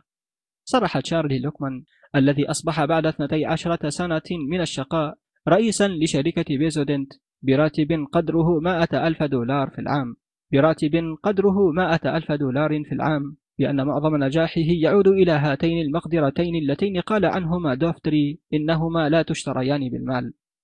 كان لوكمان يستيقظ في الخامسة صباحا ليضع لنفسه برنامج يومه وفقا لقاعدة الأهم فالمهم ومن واقع تجاربي أرى أن المرء لا يستطيع في معظم الأحوال إنجاز الأعمال وفقا لأهميتها. لكن وضع برنامج مرتب بقدر المستطاع من حيث درجة الأهمية أفضل بكثير من إنجاز الأعمال دون تخطيط مسبق. الكاتب جورج برنارد شو لو لم يكن يطبق برنامجا وفق قاعدة الأهم فالمهم. لربما فشل وقضى حياته كلها صرافا في بنك وكان يتصدر برنامجه اليومي كتابة خمس صفحات وقد أوصله إصراره على تنفيذ هذا البرنامج إلى ما كان ينشده. ثلاثة إذا كنت تواجه مشكلة قم إلى حسمها على الفور. لا تؤجل اتخاذ قرار تستطيعه اليوم إلى غد. أخبرني تلميذي هاول أنه حين كان عضوا في مجلس إدارة شركة الولايات المتحدة للفولاذ رأى أن الكثير من المسائل المعروضة للبحث لا يتم اتخاذ قرار فيها إلا في القليل منها فطلب أن تطرح المسائل على المجلس واحدة فواحدة ولا تطرح مسألة جديدة حتى يتم البت في المسألة التي تسبقها. وأخذ المجلس برأي هاول وكانت النتيجة أنه تمت معالجة جميع المسائل التي طال بحثها وتأجيلها. ولم يعد هنالك شعور بالقلق نحو مشكلات لم تتم معالجتها. أربعة. تعود كيف تنظم وتفوض وتشرف. رجال أعمال كثيرون يدفعون بأنفسهم إلى القبر قبل الأوان لأن كل منهم لا يعرف أبدا كيف يسند للآخرين بعض مسؤولياته ولأنهم يصرون على القيام بجميع الأعمال بمفردهم. نعم إنه من الصعب إلقاء المسؤوليات على عاتق الغير خاصة إذا كان هذا الغير غير كفء لها. ومع ذلك يجب أن يقوم رجل الأعمال بذلك لكي يتجنب القلق والتوتر. فالرجل الذي يؤسس عملا ولا يعرف كيف ينظم ويفوض ويشرف غالبا ما تراه وهو في الخمسينيات من عمره أشبه بكهل من فرط ما أصابه من القلق والتوتر. الفصل السابع كيف تتخلص من الملل؟ يعد الملل عاملا أساسيا بين العوامل المؤدية للملل. فمثلا أليس والتي تشتغل على الآلة الكاتبة لا تشعر بالإرهاق والإعياء إلا عند عودتها إلى منزلها في نهاية اليوم وتذهب إلى فراشها دون أن تنتظر العشاء. ذات مرة بعد توسلات أمها اضطرت للجلوس إلى المائدة وكان الإعياء لا يزال واضحا على وجهها حتى رن جرس الهاتف وكان المتحدث صديقها يدعوها لقضاء السهرة معا والرقص وفجأة لمعت عيناها. ودب النشاط في أطرافها وفي لحظات كانت داخل غرفتها ترتدي ثوبها الأزرق الجميل وتخرج مسرعة من المنزل. لقد ظلت ترقص وتمرح وتلهو حتى الثالثة صباحا وحين عادت إلى المنزل لم تكن هي تلك الفتاة التي ألفناها قبل ساعات ثمان. لم تكن مرهقة أبدا بل كانت فرحة جدا حتى إنها لم تستطع النوم. بالتأكيد لم تكن أليس قبل ثمان ساعات فقط تدعي الإعياء والإرهاق. بل كانت بالفعل كذلك. لكن كان سبب تعبها الضجر من عملها وربما ضجرت من الحياة وهنالك الملايين مثلها وربما أنت واحد منهم. من الحقائق المعروفة أن الإصابة بالإرهاق تأتي نتيجة الإجهاد الذهني أكثر من أي مجهود جسدي يبذل. نشر الدكتور جوزيف بارمل بمجلة أرشيف علم النفس مقالا عن بعض تجاربه التي أجراها لمعرفة أثر الملل في الإصابة بالإرهاق. ومن بينها كانت سلسلة من الامتحانات عقدها لبعض طلبته في مواد تصعب عليهم وكانت النتيجة أن الطلاب شعروا بالتعب والنعاس وبعضهم اشتكى من صداع ألم به وآخرون اشتكوا من ألم في العينين وشكى فريق ثالث من ألم في معدته. لم تكن آلامهم مجرد أوهام فقد أظهرت فحوصات خضع لها أولئك الطلاب أثناء تأدية الامتحانات أن ضغط الدم واستهلاك الأكسجين ينقص حين يشعر الإنسان بالملل. فإن زال الملل عادت عمليات الجسم إلى طبيعتها. ونادرا نشعر بالملل أثناء القيام بأمر يحلو لنا. فذات مرة قضيت عدة أيام في آجام كندا المنتشرة حول بحيرة لويز أمارس هواية الصيد على طول شاطئ خيج كورال وقد سلكت طريقا مليئا بالأشجار التي تسد الطريق. ولكني بعد مضي ثمانية أيام على تلك الحال لم أشعر بالإرهاق قط. وذلك لأنني كنت محبا لهذا العمل. ولو كان الصيد سبب لي الملل كنت سأشعر بالإرهاق مما بذلت من مجهود شاق على ارتفاع سبعة آلاف قدم من سطح البحر. الدكتور إدوارد ثورندايك من جامعة كولومبيا توصل من خلال تجاربه إلى أن الملل هو السبب الأصيل في نقص إنتاج الفرد. فعندما كان يجري تجاربه على القلق أغرى الشباب بالبقاء يقظين أسبوعا كاملا تقريبا وذلك بأنه يسند إليهم بعض الأعمال التي تحلو لهم. فالنشاط يكون حيث تكون المتعة في العمل. وتزداد القدرة على بذل الجهد فقد ترهق من المشي عشرة أمتار برفقة زوجة نكدية تختلق لك المشكلات صباح مساء. في حين يخف عليك أن تمشي أميالا برفقة من يبادلك الحب والود. وإذا أردت أن تعرف ما يجب أن تفعله انظر إلى ما فعلته تكسبا التي كانت تعمل على الآلة الكاتبة في إحدى شركات البترول. كانت مكلفة بملء استمارات مطبوعة بالأرقام والإحصاءات. وهو ما يحتاج منها إلى عمل أياما من كل شهر. وكان هذا العمل يصيبها بالملل فقررت يوما تحويل هذا العمل الكريه إلى عمل ممتع مسل. فأخذت تجري منافسة يومية مع نفسها كانت تعتزم إنجاز عدد استمارات أكبر من التي ملأتها في اليوم السابق. وهكذا كانت في كل يوم تتفوق على نفسها وتبذل مجهودا يفوق بكثير مجهود اليوم السابق. وكانت النتيجة أن انتهت من هذه الاستمارات الكريهة أكثر من أي كاتبة أخرى في الشركة. لم تجن من وراء ذلك ترقية أو مدحا أو ثناء أو زيادة في دخلها لكنها حظيت بالسعادة التي جنبتها الإرهاق الناتج من الملل ومنحتها راحة ذهنية وإقبالا على العمل. هذه القصة ليست من وحي الخيال لأنني تزوجت من هذه الفتاة. إذا كنت ترى أن عملك كريها وليس بمقدورك جعله مسليا حقا ولا ممتعا فعلا فأقبل عليه كما لو كان ممتعا. مع مرور الوقت ستجده ممتعا بالفعل. كما لو كان فلسفة يعترف بها علم النفس الحديث ويؤمن بها. فالعالم النفسي ويليام جيمس نصحنا بالظهور كما لو كنا شجعانا. فتأتينا الشجاعة أو نتصرف كما لو كنا سعداء. فتغرقنا السعادة. الفلسفة ذاتها جربها كالتن بورن المحلل الشهير للأخبار. أخبرني أنه عندما كان في سن الثانية والعشرين عبر المحيط الأطلسي على متن سفينة لنقل المواشي كان يطعم ويسقي المواشي حتى نزل بإنجلترا وهناك تجول بأرجائها وبلداتها على دراجة ووصل إلى باريس جائعا ومفلسا ولم يكن أمامه سوى رهن آلة التصوير مقابل خمسة دولارات. دفعها أجرا لإعلان نشره في الطبعة الفرنسية من صحيفة نيويورك هيرالد. يطلب عملا. فاشتغل مندوبا بالعمولة وبدأ يطرق منازل أهل باريس وهو لا يعرف من اللغة الفرنسية حرفا واحدا. ومع ذلك فقد جنى خمسة آلاف دولار عمولة في السنة الأولى حتى صار واحدا من أنجح البائعين في فرنسا كلها. فكيف أصبح بائعا ناجحا مع جهله باللغة الفرنسية؟ كان يطلب من رئيسه كتابة العبارات التي يحتاجها في عملية البيع ثم يحفظها عن ظهر قلب. وحين يقرع أحد الأبواب تجيب ربة المنزل عليه. وهنالك تخرج من فم كاتنبورن العبارات المحفوظة في لهجة غير مألوفة مضحكة ثم يعرض عليها بضاعته. وحين تسأله سؤالا يهز كتفه ويقول أنا أمريكي ولا أجيد الفرنسية. ثم يخلع قبعته ويشير للسيدة بداخلها إلى ورقة العبارات المحفوظة التي أسمعها إياها فتضحك ربة المنزل ويضحك هو معها ويعرض عليها المزيد من البضاعة. ولقد أخبرني كالتنبورن بأن ذلك العمل لم يكن هينا وأن سبب نجاحه هو تصميمه على جعل عمله مثيرا. فكان كل صباح يقف أمام المرآة يتحدث إلى نفسه قائلا كالتنبورن عليك أن تفعل ذلك إذا أردت أن تعيش وطالما أن عليك فعل ذلك لما لا تسعد به؟ لماذا لا تتخيل نفسك في كل مرة تطرق فيها باب أحد العملاء؟ أنك تمثل على خشبة المسرح وأن سكان المنزل هم الجمهور. لماذا لا تضع كل حماسك لأداء هذا العمل وعندما سألت السيد كاتنبورن هل من نصيحة يود تقديمها للشباب الذي يتوق للنجاح؟